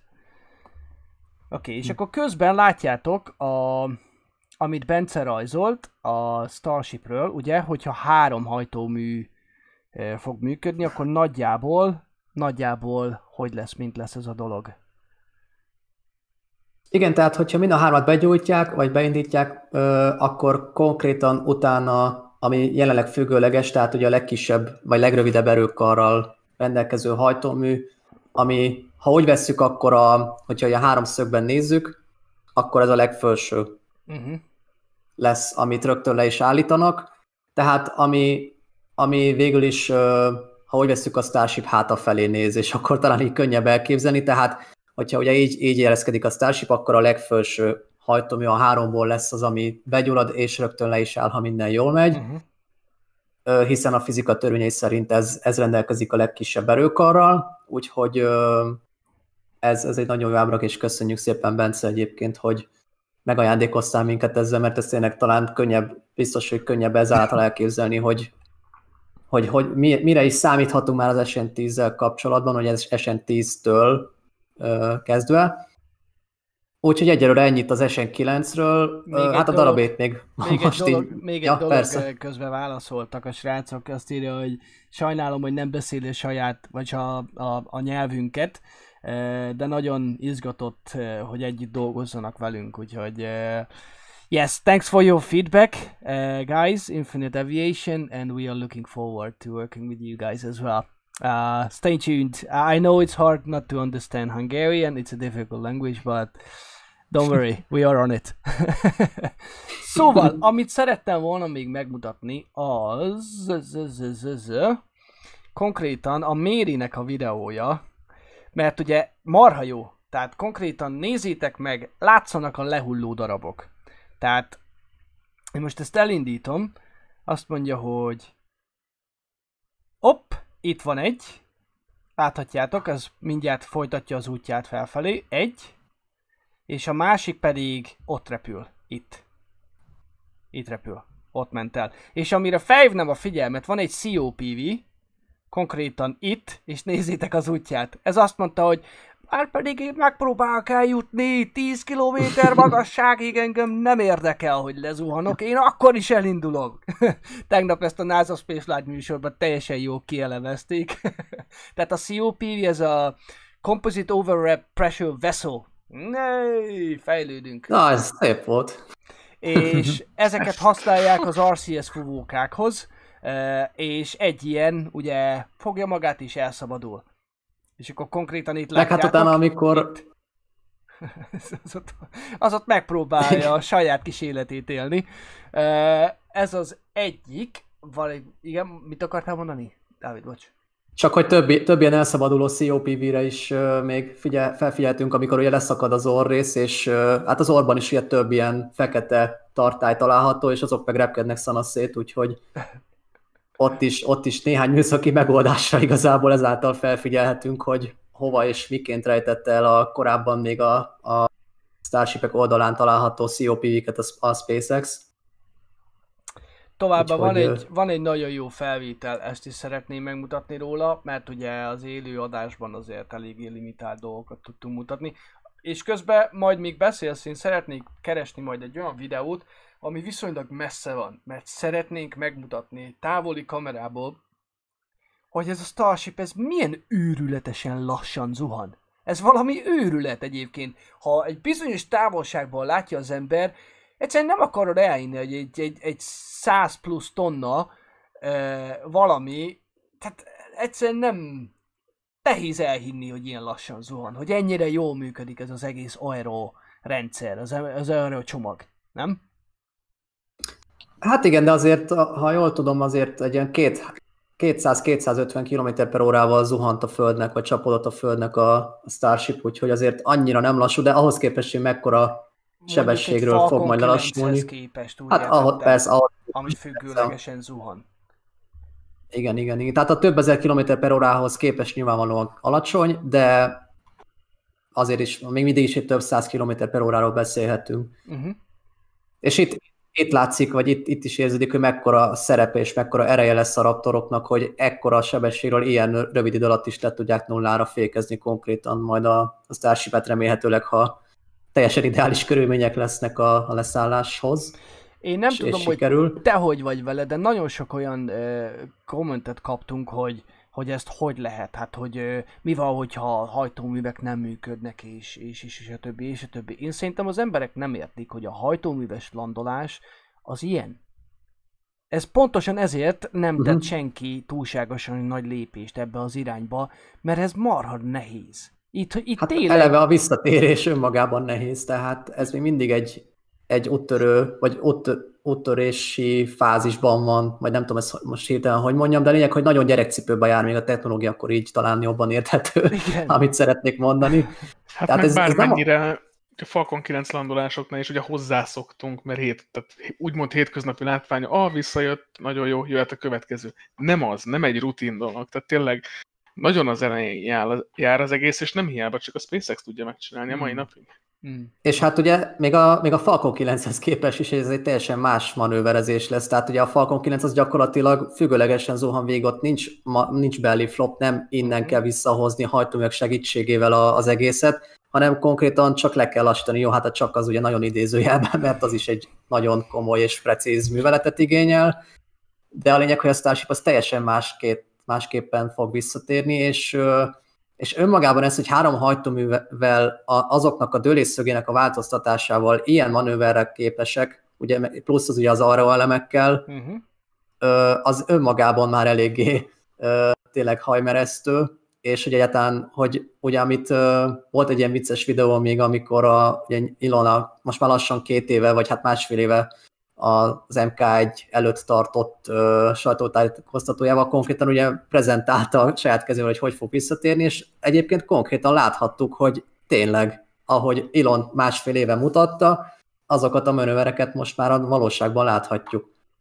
És, és tényleg közel járnak már, tehát, tehát látszik, hogy, és ez tényleg a második teszt volt, nem a 200 nem a 2000 a második tesztet láthattuk, és az, hogy már elsőre is majdnem sikerült, és másodszorra is, mert persze lehet mondani, oké, okay, föl, fölrobbant, igen, fölrobbant, de addig is rengeteg adatot gyűjtöttek, és, és nem voltak távol egyébként annyira, tehát hogyha a második hajtómű nem adja meg magát, akkor, akkor valószínűleg sikerül a leszállás. Persze mindig ott van egy ha, ha haval pedig hogy nem érdemes ugye matekozni, de a lényeg, hogy, hogy közel járnak már most is a legelején. Igen. És még nagyon, nagyon sok, még, még több száz, ezt is nyilatkoztilon, hogy mi, amíg embereket szállíthat a Starship, addig több száz repülési tesztet kell végrehajtani, tehát nagyon hosszú út áll előttük, és az, hogy a leges legelején az útnak már ennyire tényleg sikeresnek mondhatóak a manőverek, amikkel még korábban senki nem kísérletezett, uh-huh. legfeljebb papíron, de talán még úgysem már ez önmagában elég nagy, ö, nagy ö, dicséret a SpaceX-nek, hogy, hogy tényleg idáig eljutottak. Tehát ez egy, ezek őrületes nehéz manőverek, és nem csak, az, nem csak annyira van szó, hogy hát oké, okay, kicsit változtassuk a dörésszöget, majd leszáll. Persze, fizikailag, meg elméletileg könnyű leírni, de megvalósítani iszonyatosan nehéz, mert rengeteg rendszernek kell egyidejűleg teljesen egy, jól együttműködni, hogy minden sikerüljön. Az az igazság... Hát erre egy jó példa, ugye, uh-huh. bocsi, csak hogy ugye múlt héten volt ugye a Starlink 18, ugye ott is hányszor láttunk már Starlink küldetés, rengetegszer megtörténik ugyanaz, és akkor Twitteren volt küldetés után, ugye sikeres drónhajóra való leszállás, 74 azt hiszem, uh-huh. 74 sikeres visszatérés volt, és Elon Musk írta, hogy hát igen, ez egy nagyon nagy kihívás volt. És akkor úristen, mindenki miért? És hát mondta, hogy olyanok voltak az időjárási körülmények, olyanok voltak a, ugye a szél is nagyon fúj, tehát az is egy, még ugyanott tartunk vele, illetve tartanak vele, hogy akár egy sima, idézőjelben drónhajóra való visszatérés is egy hatalmas siker nekik. Uh-huh. Tehát mit várunk akkor, ahogy Dávid is mondta, kettő darab tesztküldetés volt uh-huh. ilyen. Uh-huh. Nagyon az út elején járunk még de jól csinálják. Én azt láttam, hogy nagyon, hogy nagyon nagy elvárásokat támasztanak azért az emberek. Tehát nem, nem igazán akarja sok ember látni, hogy, hogy itt azért milyen őrületes munka folyik. És, és azért Persze. a SpaceX az eddigi sikerei alapján az ember könnyen hiszi azt, hogy ők játszik könnyedséggel csinálják meg ezt. De pedig ez, ez, ez soha nem lesz az. Vagy legalábbis még egy darabig biztosan nem lesz az, hogy annyira megbízható legyen a rendszer. Az egy másik kérdés, hogy ők rettentően megbízhatóvá tették az, FN, az F9-es, tehát a Falcon 9-es rakétát. Azért nem nagyon veszít, vesz, veszítgetnek el első fokozatokat, vagy nincsen e, eltolt küldetés, vagy, vagy tehát Na, tehát azért látjuk, hogy, a, hogy az eddigi tesztek alapján, valamint a, a cég előélete alapján azért nagyon komoly dolgokat várhatunk a jövőtől, de ehhez akkor is idő kell. Hát igen, de az már most látszik, hogy a teszteket egyre jobban fel fogják uh, gyorsítani, és akkor szerintem lassan át is térhetünk az SN10-re. Uh-huh, uh-huh. Mert konkrétan úgy tűnik, hogy uh, a, a gyártósornak a, a sebességével még maga a SpaceX teszt sora idézőjelben sem tud megküzdeni, tehát amilyen örületes tempóval jönnek ki a prototípusok ugye a hangárakból, ugye még mindig azért uh, nyilván adatgyűjtés szempontjából is, meg inkább uh, óvatosságból is azért folyamatosan végrehajtja a SpaceX azokat a teszteket a, az egész tesztprogramban egy Starship prototípus során, amit ugye legelétől fogva most már mhm. azt tényleg szokásosnak mondhatjuk. Igen. Tehát ugye először egy kriogenikus teszt, aztán sőt, ö, legelőször ugye egy ö, külső mérsékleten megegyező nyomásteszt, utána a kriogenikus nyomásteszt, aztán legalább egy statikus hajtóműteszt, és ha minden sikerül, akkor kerülhet sor ugye a repülésre, uh-huh. de hát közben ugye rengeteg ö, ellenőrzés, adatgyűjtés, elemzés van, tehát és, és akkor az SN10-re átérve, hogy konkrétan a, amióta ugye átvitték ugye múlt előtti pénteken, tehát másfél hete ugye a, a tesztpadra már az első ö, tesztet, tehát a, a külső hőmérséklettel megegyező nyomástesztet azt már végre is hajtották rajta, a hét elején azt hiszem, talán hétfőn.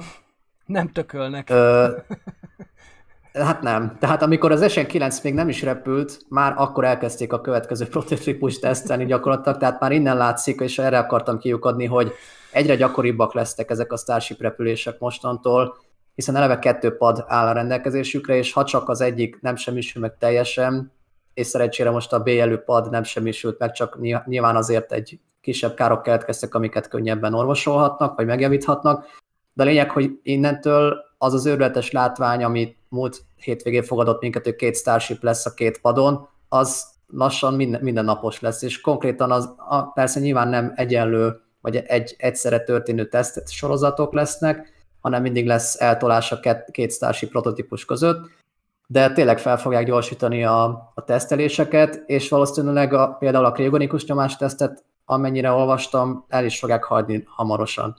Uh-huh. Tehát, tehát lesz, lesz valószínűleg statikus hajtóműteszt, ami ugye minden indítás előtt van, uh-huh. és, és lehet, hogy ennyi lesz az egész.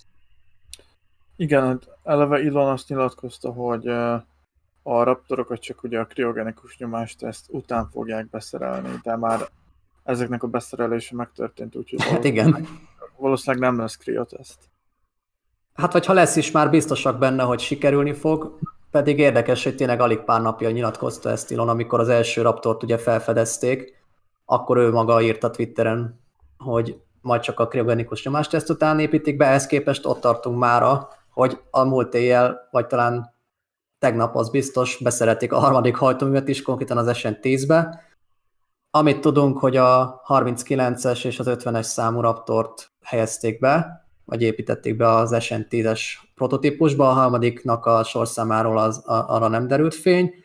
Viszont érdekes, hogy a 39-es az korábban már az SN8-ba is beszerelték, tehát nem tudni, hogy ö, egy picit ráncfelvaráson esett át, miközben ö, az SN9 tesztjei zajlottak, mert azért nyilván ezek a, azt is mindig fontos megemlíteni, ezek a Raptor hajtóművek maguk is még bőven fejlesztési fázisban vannak, tehát ezek nem, egy, nem kiforrott hajtóművek még, nem, nem teljesen kész darabok, hanem ahogy megyünk előre az időben, folyamatosan fejlesztik őket.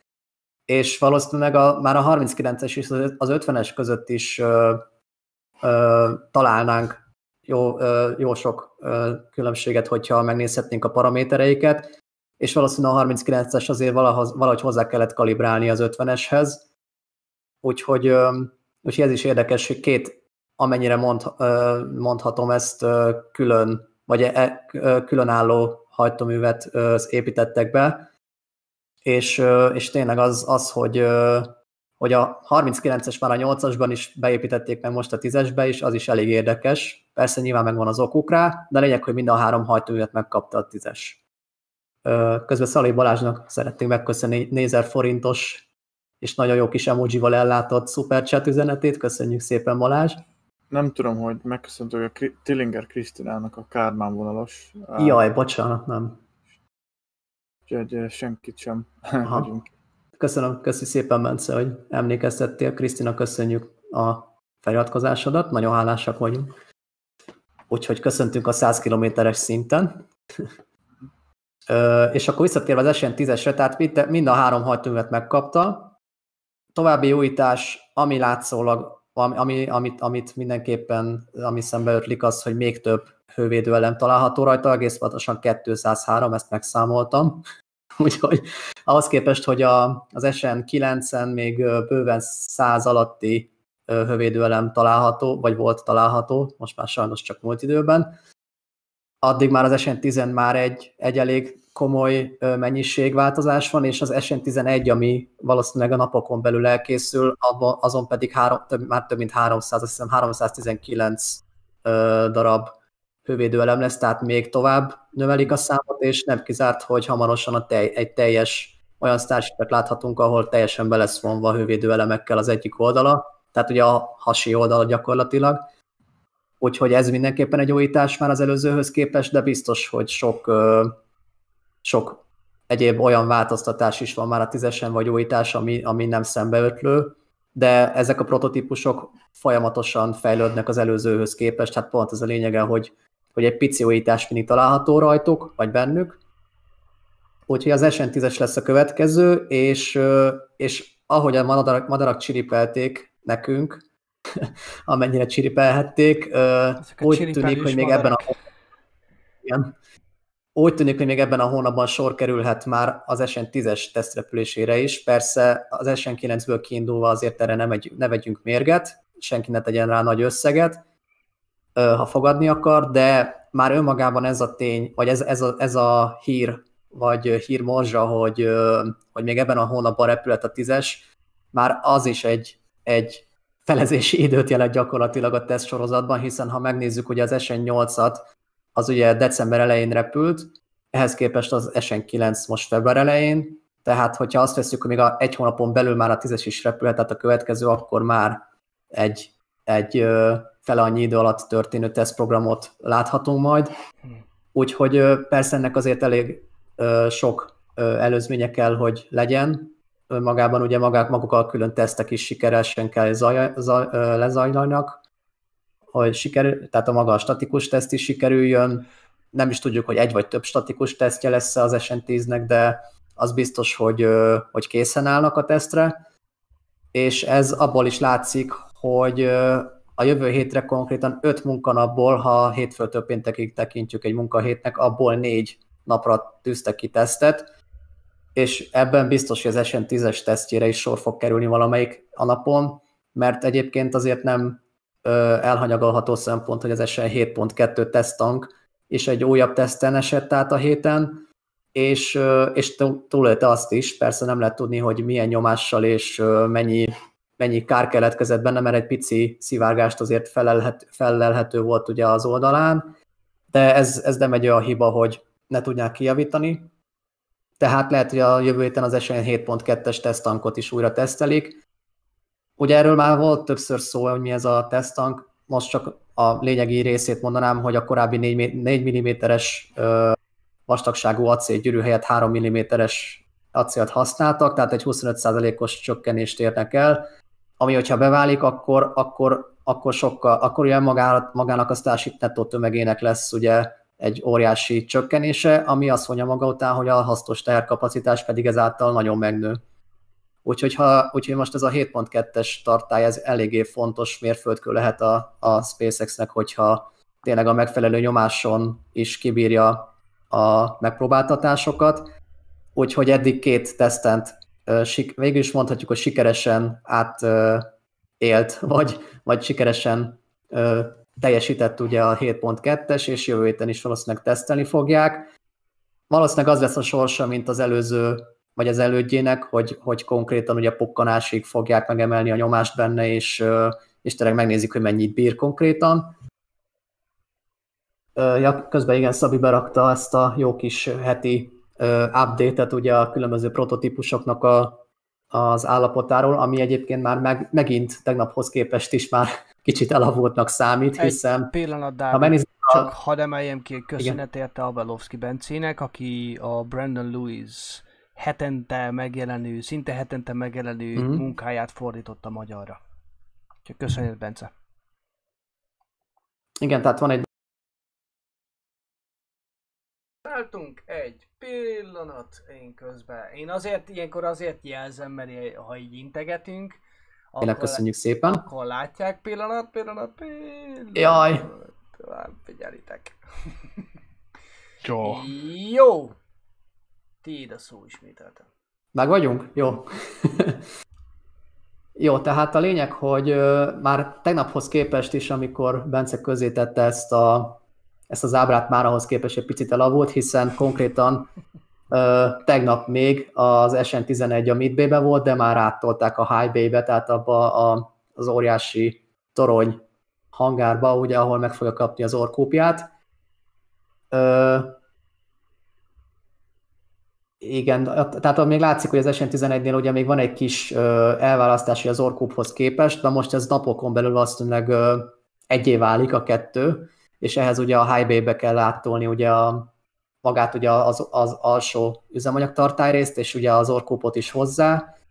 Tehát már tegnaphoz képest is ö, kicsi változás van, és hát látszik, hogy a, az SN15-től fölfelé is folyamatosan egyre több ö, elemet fedeznek fel, hogy a bakacsikában, tehát az SN15-nek gyakorlatilag majdnem kész van már a teszttankja, vagy nem, nem a teszt, hanem a, az üzemanyagtank része, Ugye az Orkupnak az alsó része is már gyakorlatilag kész van, és, és ha jól, jól láttuk a, a hangárakban, vagy a magában az Or, Orkup létrehozó, vagy Orkup gyártó hangárban, ott is már szerintem az SN15-nek a, az Orkupját ö, építik éppen, tehát az is valószínűleg elég hamar el fog készülni. Az a windbreak, nem? Valami ilyesmi. Igen, igen, a, a windbreakben állítják össze az Orkupot. Igen, tehát igazából három nagy szürke ö, torony hangár van, ugye a windbreak a legkisebb, Uh-huh. ugye van a Mid Bay, meg van a High Bay. És ugye a a High Bay önmagában ugye a boosteröknek, tehát a Super Heavy hordozó rakétáknak az összeszerelő csarnoka, vagy hangára, de ugye itt, uh, itt építik ugye össze, vagy itt, itt, épi, uh, itt hegesztik össze az, a Starship második fokozatának az orkupját az alsó üzemanyag tank egységgel is, hiszen ez rendelkezik akkor a magassággal, ami, ahol a Darul re- rendesen rá tudja emelni ugye a üzemanyagtankra az orkúpot. És igen, az, aki, aki nézi a képet, az nem lát rosszul, valóban a 11-es után a 15-ös jön, hiszen három ö, prototípust úgy döntött a SpaceX, hogy likvidál, tehát a 12, 13, 14 azt ö, hát nagyon, nagyon idézőjelesen beszántották, de inkább úgy mondom, hogy beolvasztják majd, ami ugye elkészült belőle. És talán Hiszen- itt, itt érdemes megemlíteni, hogy ugyanerre a sorsra került az SN5 és SN6 prototípus is. Az SN5 még Hát, lehet, hogy, igen. lehet, hogy hold mockup lesz belőle, tehát egy, eh, amit a holdra szánnak ahhoz. Bár azt hiszem már elkezdték szétvágni, úgyhogy azt hiszem az, Mm. az se. Úgyhogy lapátra tettek. Elvileg Sajnos az igen. Hát a SN8 hatos, is beolvasztották, nem? Bocsi, Dávid, hogy hogy? közbeszólt. Hogy az SN8 maradványait is beolvasztották, nem? Igen, és valószínűleg a 9-esét is befogják, és az 5-öst és a 6-ost is. Tehát szinte mindent újra használnak, ami már nem kell, hiszen Ré- miért ne? Reinkarnálódva azok is egyszer eljutnak majd a Marsra, van. remélhetőleg. Így van, így van. Persze nem maradjon ki senki. De legalábbis alacsony föld körüli pályára. Ezt a kis szünetet hadd ragadjam már meg, hogy Szalai Balázsnak megköszönjük a 4000 forintos támogatást. Köszönjük szépen, hogy segíted a munkánkat. Igen, és akkor beolvasztás. Jó. Igen, tehát ugye az öt, a hatost már szétszerelték, de az ötöst is elkezdték ö, szétvágni szegényt a héten, úgyhogy ö, valószínűleg az is arra a sorsra jut, hogy beolvasztják szegényt.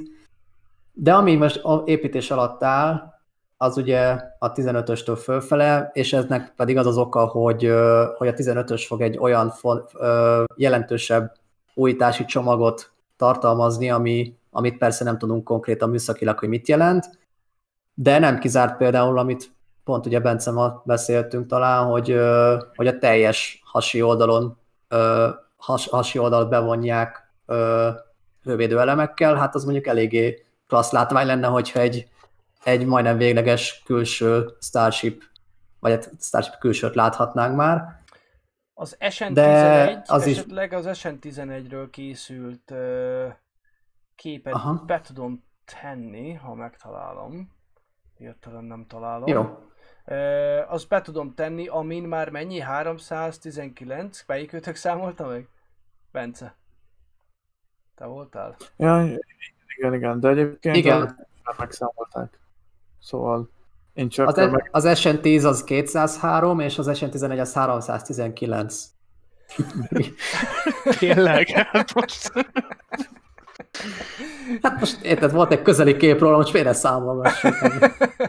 Jogos.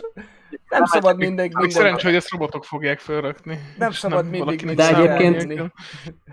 Egyébként Félix, Félix Sláng a What About It csatornának a hostja, vagy házigazdája, ő még tovább ment, tehát ő még elvetemültebb, mint én, mert ő konkrétan kiszámolt, hogy hány hővédőelemből állhat majd a teljes ö, bevonat, és a 10, 18 ezer csempét, vagy ilyen hővédőelemet számolt talán össze. Tehát persze nyilván nem lesz annyi. Tehát azért ugye az arra elemeknél picit máshogy kell majd elrendezni, de egy ilyen elég nagy becslést alkotott, és kb. ennyi lehet majd a végleges szám hozzávetőlegesen, de ebből most egyelőre 203-at, illetve 319-et láthatunk, de hát önmagában ez is azért folyamatosan azt mutatja, hogy egyre inkább kíváncsi a SpaceX arra, hogy mi is zajlik hő szempontjából ugye a Starship hasánál, ugye mind emelkedésnél, mind pedig ugye visszatérésnél. Ugye ez a rész, ahol az SN10 meg a 11 is megkapja az elemeket, az, az konkrétan ugye az oxigén tartálynak a, a része.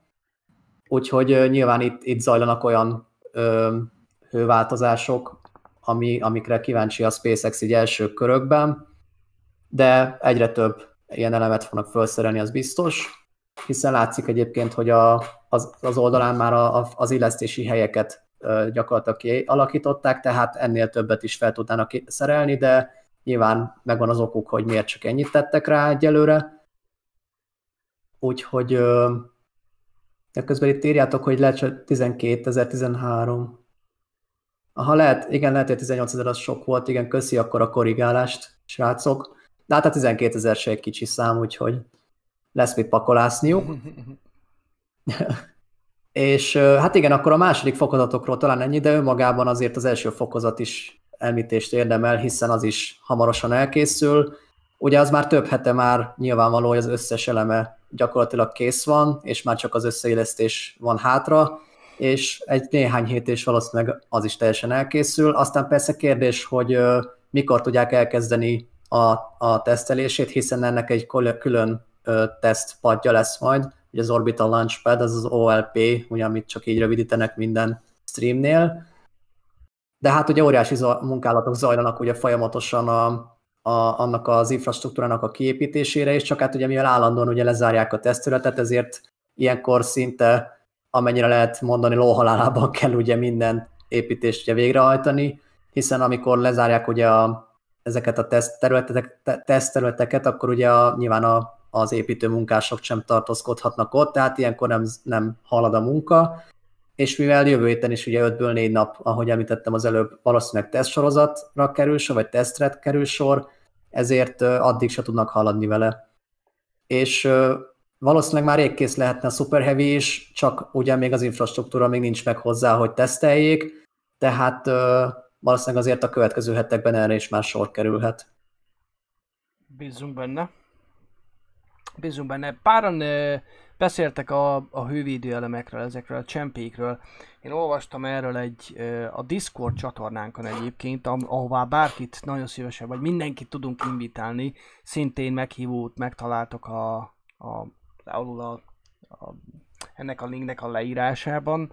Uh, nagyon jó Adastra uh, linkelt be egy nagyon jó angol nyelvű cikket, amiben konkrétan ugye ezekről a hőcsi, hővédő csempékről van szó, hogy ez mennyiben hasonlít az űrsikló használtakhoz, és hogyha ha nem hasonlít rá, akkor ugye mi a különbség. E, azt hiszem az karbon, kar, jó mondom, karbon, karbon, azt hiszem hőcsempék voltak, e, és nagyon sérülékenyek. Ezt úgy kell elképzelni, mint egy, mint egy hab, egy szilárd hab, és ugye ez a legkisebb ütésre is egyszerűen porlik, törik míg ezek, amiket ők használnak, azt hiszem, azt hiszem karbon bevonat szilikát, vagy szilik, szilik, szilik, szilika, mindegy, most ezt elfejtettem, az alapja, és ezen még van azt hiszem egy üveg bevonat, ami konkrétan hihetetlenül ellenő, ellenállóvá teszi ezeket a csempéket.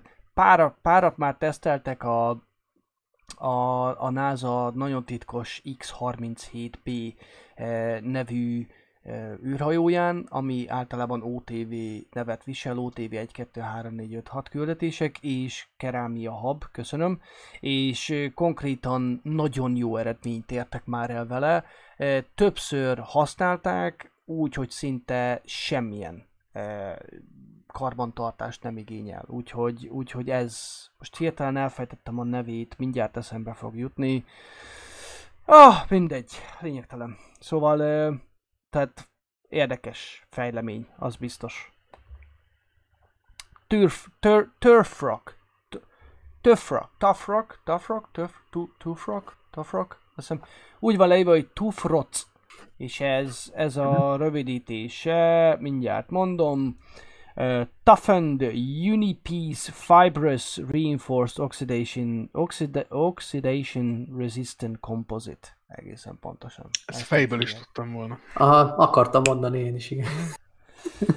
Én is csak úgy csinálok, mintha olvasnám egyébként, de amúgy fejből meg. Oké. Okay. Jó, nem tudom, hogy mutassam még, ja, esetleg a BN, tehát a Super Heavy-ről Aha. beszéltél már? Ö, elkezdtem, de igazából talán végeztem is. De a lényeg, hogy persze ezt külön is fogják tesztelni, valószínűleg kettő vagy négy hajtóművel. Négy ö, hajtómű kivezetés vagy üzemanyag ellátó rendszernek a vég, végét láthattok ugye azon a kupolán, ugye, ami a, a Trustpark lényegében, tehát ahova föl helyezik majd a, a hajtóműveket. De ahogy Elon korábban nyilatkozta, kettő vagy négy hajtóművel fogják tesztelni ezeket a, a hordozó rakétákat, legalábbis ugye az első prototípusokat, hiszen nem mind a 28 Raptort fogják felpakolászni rögtön, hogy rögtön esetleg elveszítsék mind a 28-at, ha mondjuk hasonló sorsra jut szegény Booster 1, mint mondjuk a Starship 8-as, 9-es, meglátjuk, de a lényeg, hogy tényleg talán hetek kérdése, és uh, igazából én úgy látom, hogy az infrastruktúra kérdése, tehát önmagában a teszt padnak a, az infrastruktúrája az, ami, ami miatt még várniuk kell, hiszen tényleg ezeket az elemeket a SpaceX-nek a sebességét ismerve pár nap alatt ugye össze tudnák éleszteni, tehát önmagában a Horizon rakétát már végleg össze tudnák szerelni, de lehet, hogy biztonsági okokból és az SN9 dőlését látva inkább úgy ítélik meg, hogy minél kevesebbet tartózkodik a, a high bay-ben várakozva a booster number van, tehát az első számú uh, super heavy uh, prototípus, annál kevesebb esély van rá, hogy esetleg ez is elboruljon a nagy tömeg miatt. Uh-huh. Mert tehát ennek azért önmagában is elég nagy tömege lesz. Uh-huh. Tehát ugye, ha megnézzük, hogy ha jól emlékszem, 38 gyűrűből fog állni a, a teljes Super Heavy uh, hordozó rakéta, azért az nem kevés önmagában a tövege azoknak az acélgyűrűknek. Még annyi különbség van, és talán ez az utolsó mondat, hogy ugye uh, ha, bár még nem, ebből még nem látszik sajnos, de úgy tűnik, hogy a, az oxigén tartály és a metán tartály helyet cserél, tehát az oxigén tartály kerül felülre, és az alatt lesz a metántank.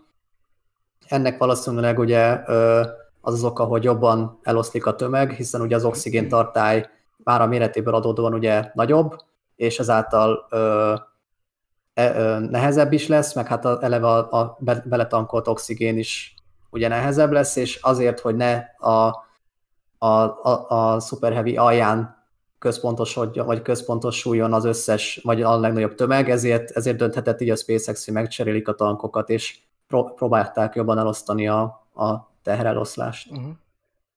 Közben örülök, hogy nagyon sok kérdésre már a chatben e, írtok választ.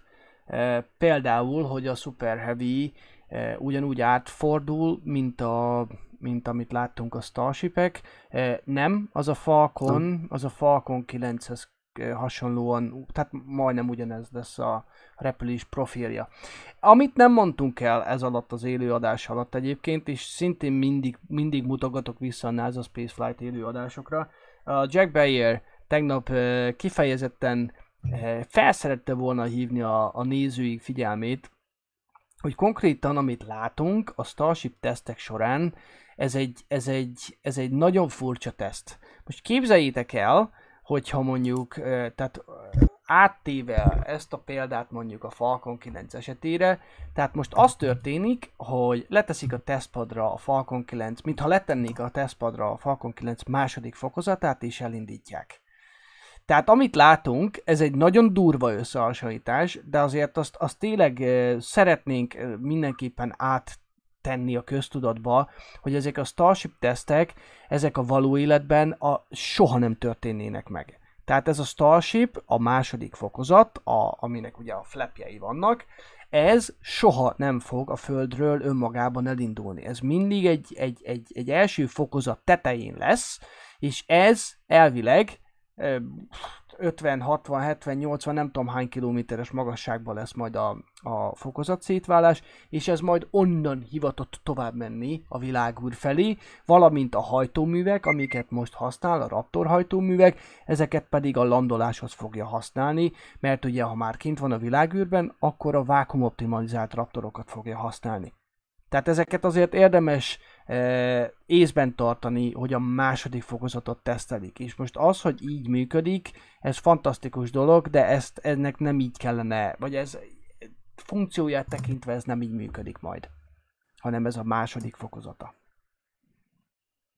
Fontos információ, mert sokan összetévesztik. Azt hiszik, hogy a második fokozattal mennek majd egyből a világűrbe, de ez nem így működik. És ezt ezért próbáljuk súlykolni többször. Elérni egyébként a világűrt, csak akkor konkrétan hasznos terhet nem tudna magával vinni, mert annyi üzemanyagra lenne szüksége, amivel, Uh-huh. amivel a hasznos terh kapacitásán buknának. Így van. Igen, és ugye, tehát a, ugye a leszállási profil, amint ugye beszéltünk, hogy ugye sokan írták, hogy miért nem ugyanolyan, mint a Falcon 9-es, ugye, hogy függőlegesen jön le, miért csinálja ezt a öngyilkos manővert. Ez a földkörüli pályáról fog visszajönni, tehát ugye itt ez a legnagyobb kihívás, és ezért kezdték el ezt legelőbb fejleszteni, mint a Super Heavy boostert. Mert az már úgymond egy kipróbált, tehát abban aztán elég jó tapasztalata van már a SpaceX-nek, meg nagyon jó szoftverei vannak rá, mint tudjuk, de azt is meg kell oldani, tehát hogy földkörüli pályáról visszajönni, és az a legnagyobb kihívás, mert jóval nagyobb erőhatások, illetve ugye surlódás hat a, Mhm. a, az űrhajóra. Uh-huh. Uh-huh.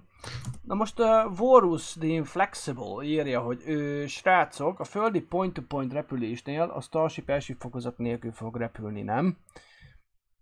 Én úgy tudom, hogy nem.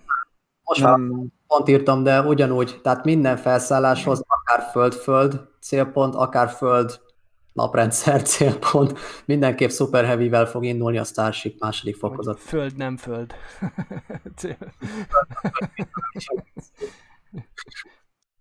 Igen. Szóval én is így tudom, hogy mindig kell első fokozat. Tehát ez soha nem, nem, nem így terveződött, hogy a második fokozat önmagában. Az egy másik dolog, hogy van akkor a kapacitása. Lehet, hogyha nem vinne ö, hát akkor sem. Mindegy, nem, mindegy. Ezt hagyjuk. Én, én, én is így hallottam, hogy első fokozat mindig is kelleni fog. Ja, ja, ja. Legalábbis a Föld nevű bolygón, tehát az, hogy egy kisebb ö, ö, tömegvonzással rendelkező bolygóról fel fog tudni szállni nyilván a Starship, tehát önmagában mondjuk a Holdról és a Marsról föl tudna szállni. Uh-huh. Most a, a, Holdi leszálló egységet nem hoznám annyira mégse ide, mert az ugye teljesen más struktúra lesz, tehát az, annak konkrétan nem is lesz aeroeleme, tehát az, ha egyszer a Földet elhagyja, a Földre biztos, hogy nem fog visszatérni, hiszen esélyese lenne ugye megfelelően elassulni, de azokat az egységeket, amik, amik különböző bolygókra ö, indulnak majd, ott fel fog tudni szállni majd valószínűleg, tehát és, és még akár a Földre is visszatérhet, hiszen ezek, ezek aeroelemekkel lesznek ellátva, de ugye ezek, tehát a Marson is egy picivel kis, kisebb ugye a, a tömegvonzás, tehát nem kell annyi erő, ezáltal annyi üzemanyag sem, hogy elhagyja a föld, vagy a, bocsánat, a Mars légkörét ugye a Starship. Uh-huh. Az meg, hogy milyen bolygókra fog leszállni, hát ez, ez nyilván ez, ez az jövő zenéje, tehát fogalmunk sincs, hogy mik a, a, a további célpontjai. Ezeket majd akkor annak rendje és módja szerint úgy is kitalálják, ha ennek eljön az ideje, de hát annyira az elején tartanak még önmagának, önmagában a teszt sorozatnak is, hogy ez erről bőven ráérünk még évtizedeket találgatni, hogy mi lesz majd, hogyha mondjuk nem tudom melyik bolygón lesz, amik a Titánon, most csak mondtam valami példát. Uh-huh. Jó. Én közben elkezdtem az X-Pence nevű sorozatot, mert annyira hajtogattátok, hogy Nem mondod. Most fejezem be az első évadot. én, én most fejeztem be az első évadot, úgyhogy... Ah. Pont a héten. De nagyon érdekes, tényleg tudom mindenkinek ajánlani, mert eh, tök jó. Tök jó, tök jó. Jó, nem tudom, hogy mit hagytunk ki. Itt láttam, hogy Avalowski Bence érdeklődött a nagy bejelentésről, szerintem nem volt itt egy darabig. Ha gondoljátok, azt még nagyon szívesen elmondom. Még egyszer, aztán szerintem Szerintem a mai élőadás lassan a végéhez közeledik, így 2 óra 21 perc után. Nem tudom, hogy látjátok a tendenciát, de minden egyes műsorunk kezd hosszabb és hosszabb lenni, úgyhogy...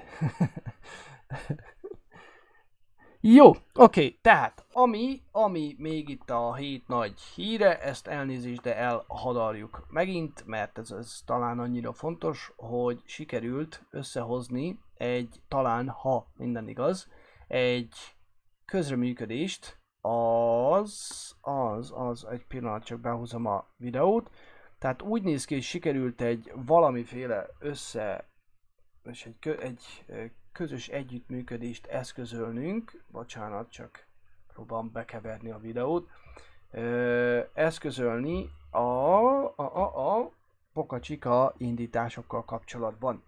Úgyhogy találtunk egy YouTube csatornát, akik Infinite Aviation névre hallgatnak, és úgy néz ki, hogy talán lesz valamiféle együttműködésünk, ami során nekiállunk szépen átvenni az ő streamjüket, ez természetesen valamennyi pénzbe kerül, és, és ezt ugye majd valahogy finanszírozunk kell, ilyenkor kérjük a ti segítségeteket. Ez lesz, ha minden igaz, az egyik nézőpont. Ez fix, tehát úgy értem, hogy ez már biztos, hogy a zsebben van részükről, és ha minden igaz, akkor, akkor, akkor itt egy nagyon érdekes együttműködés jöhet bízunk benne, hogy, hogy, hogy a megfelelő irányba fog haladni.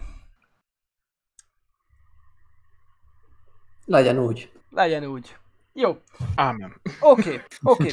Én szerintem akkor megköszönjük a, a, a, a... Igen, látom valami most megint történik a, a netünkkel, netemmel konkrétan. Ez lesz a másik dolog, amit egyébként próbálok orvosolni.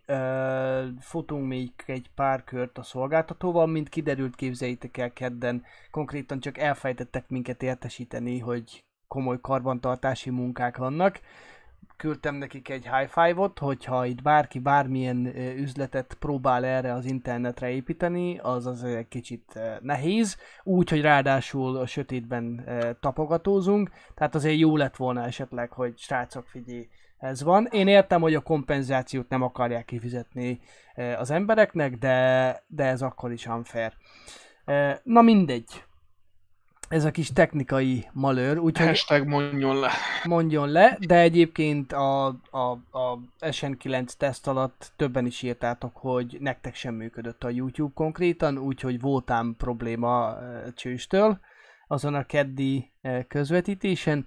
Uh, jó, oké, köszönjük szépen, köszönjük szépen, hogy néztek minket, stabilan több mint 400-an néztétek a mai élő adást.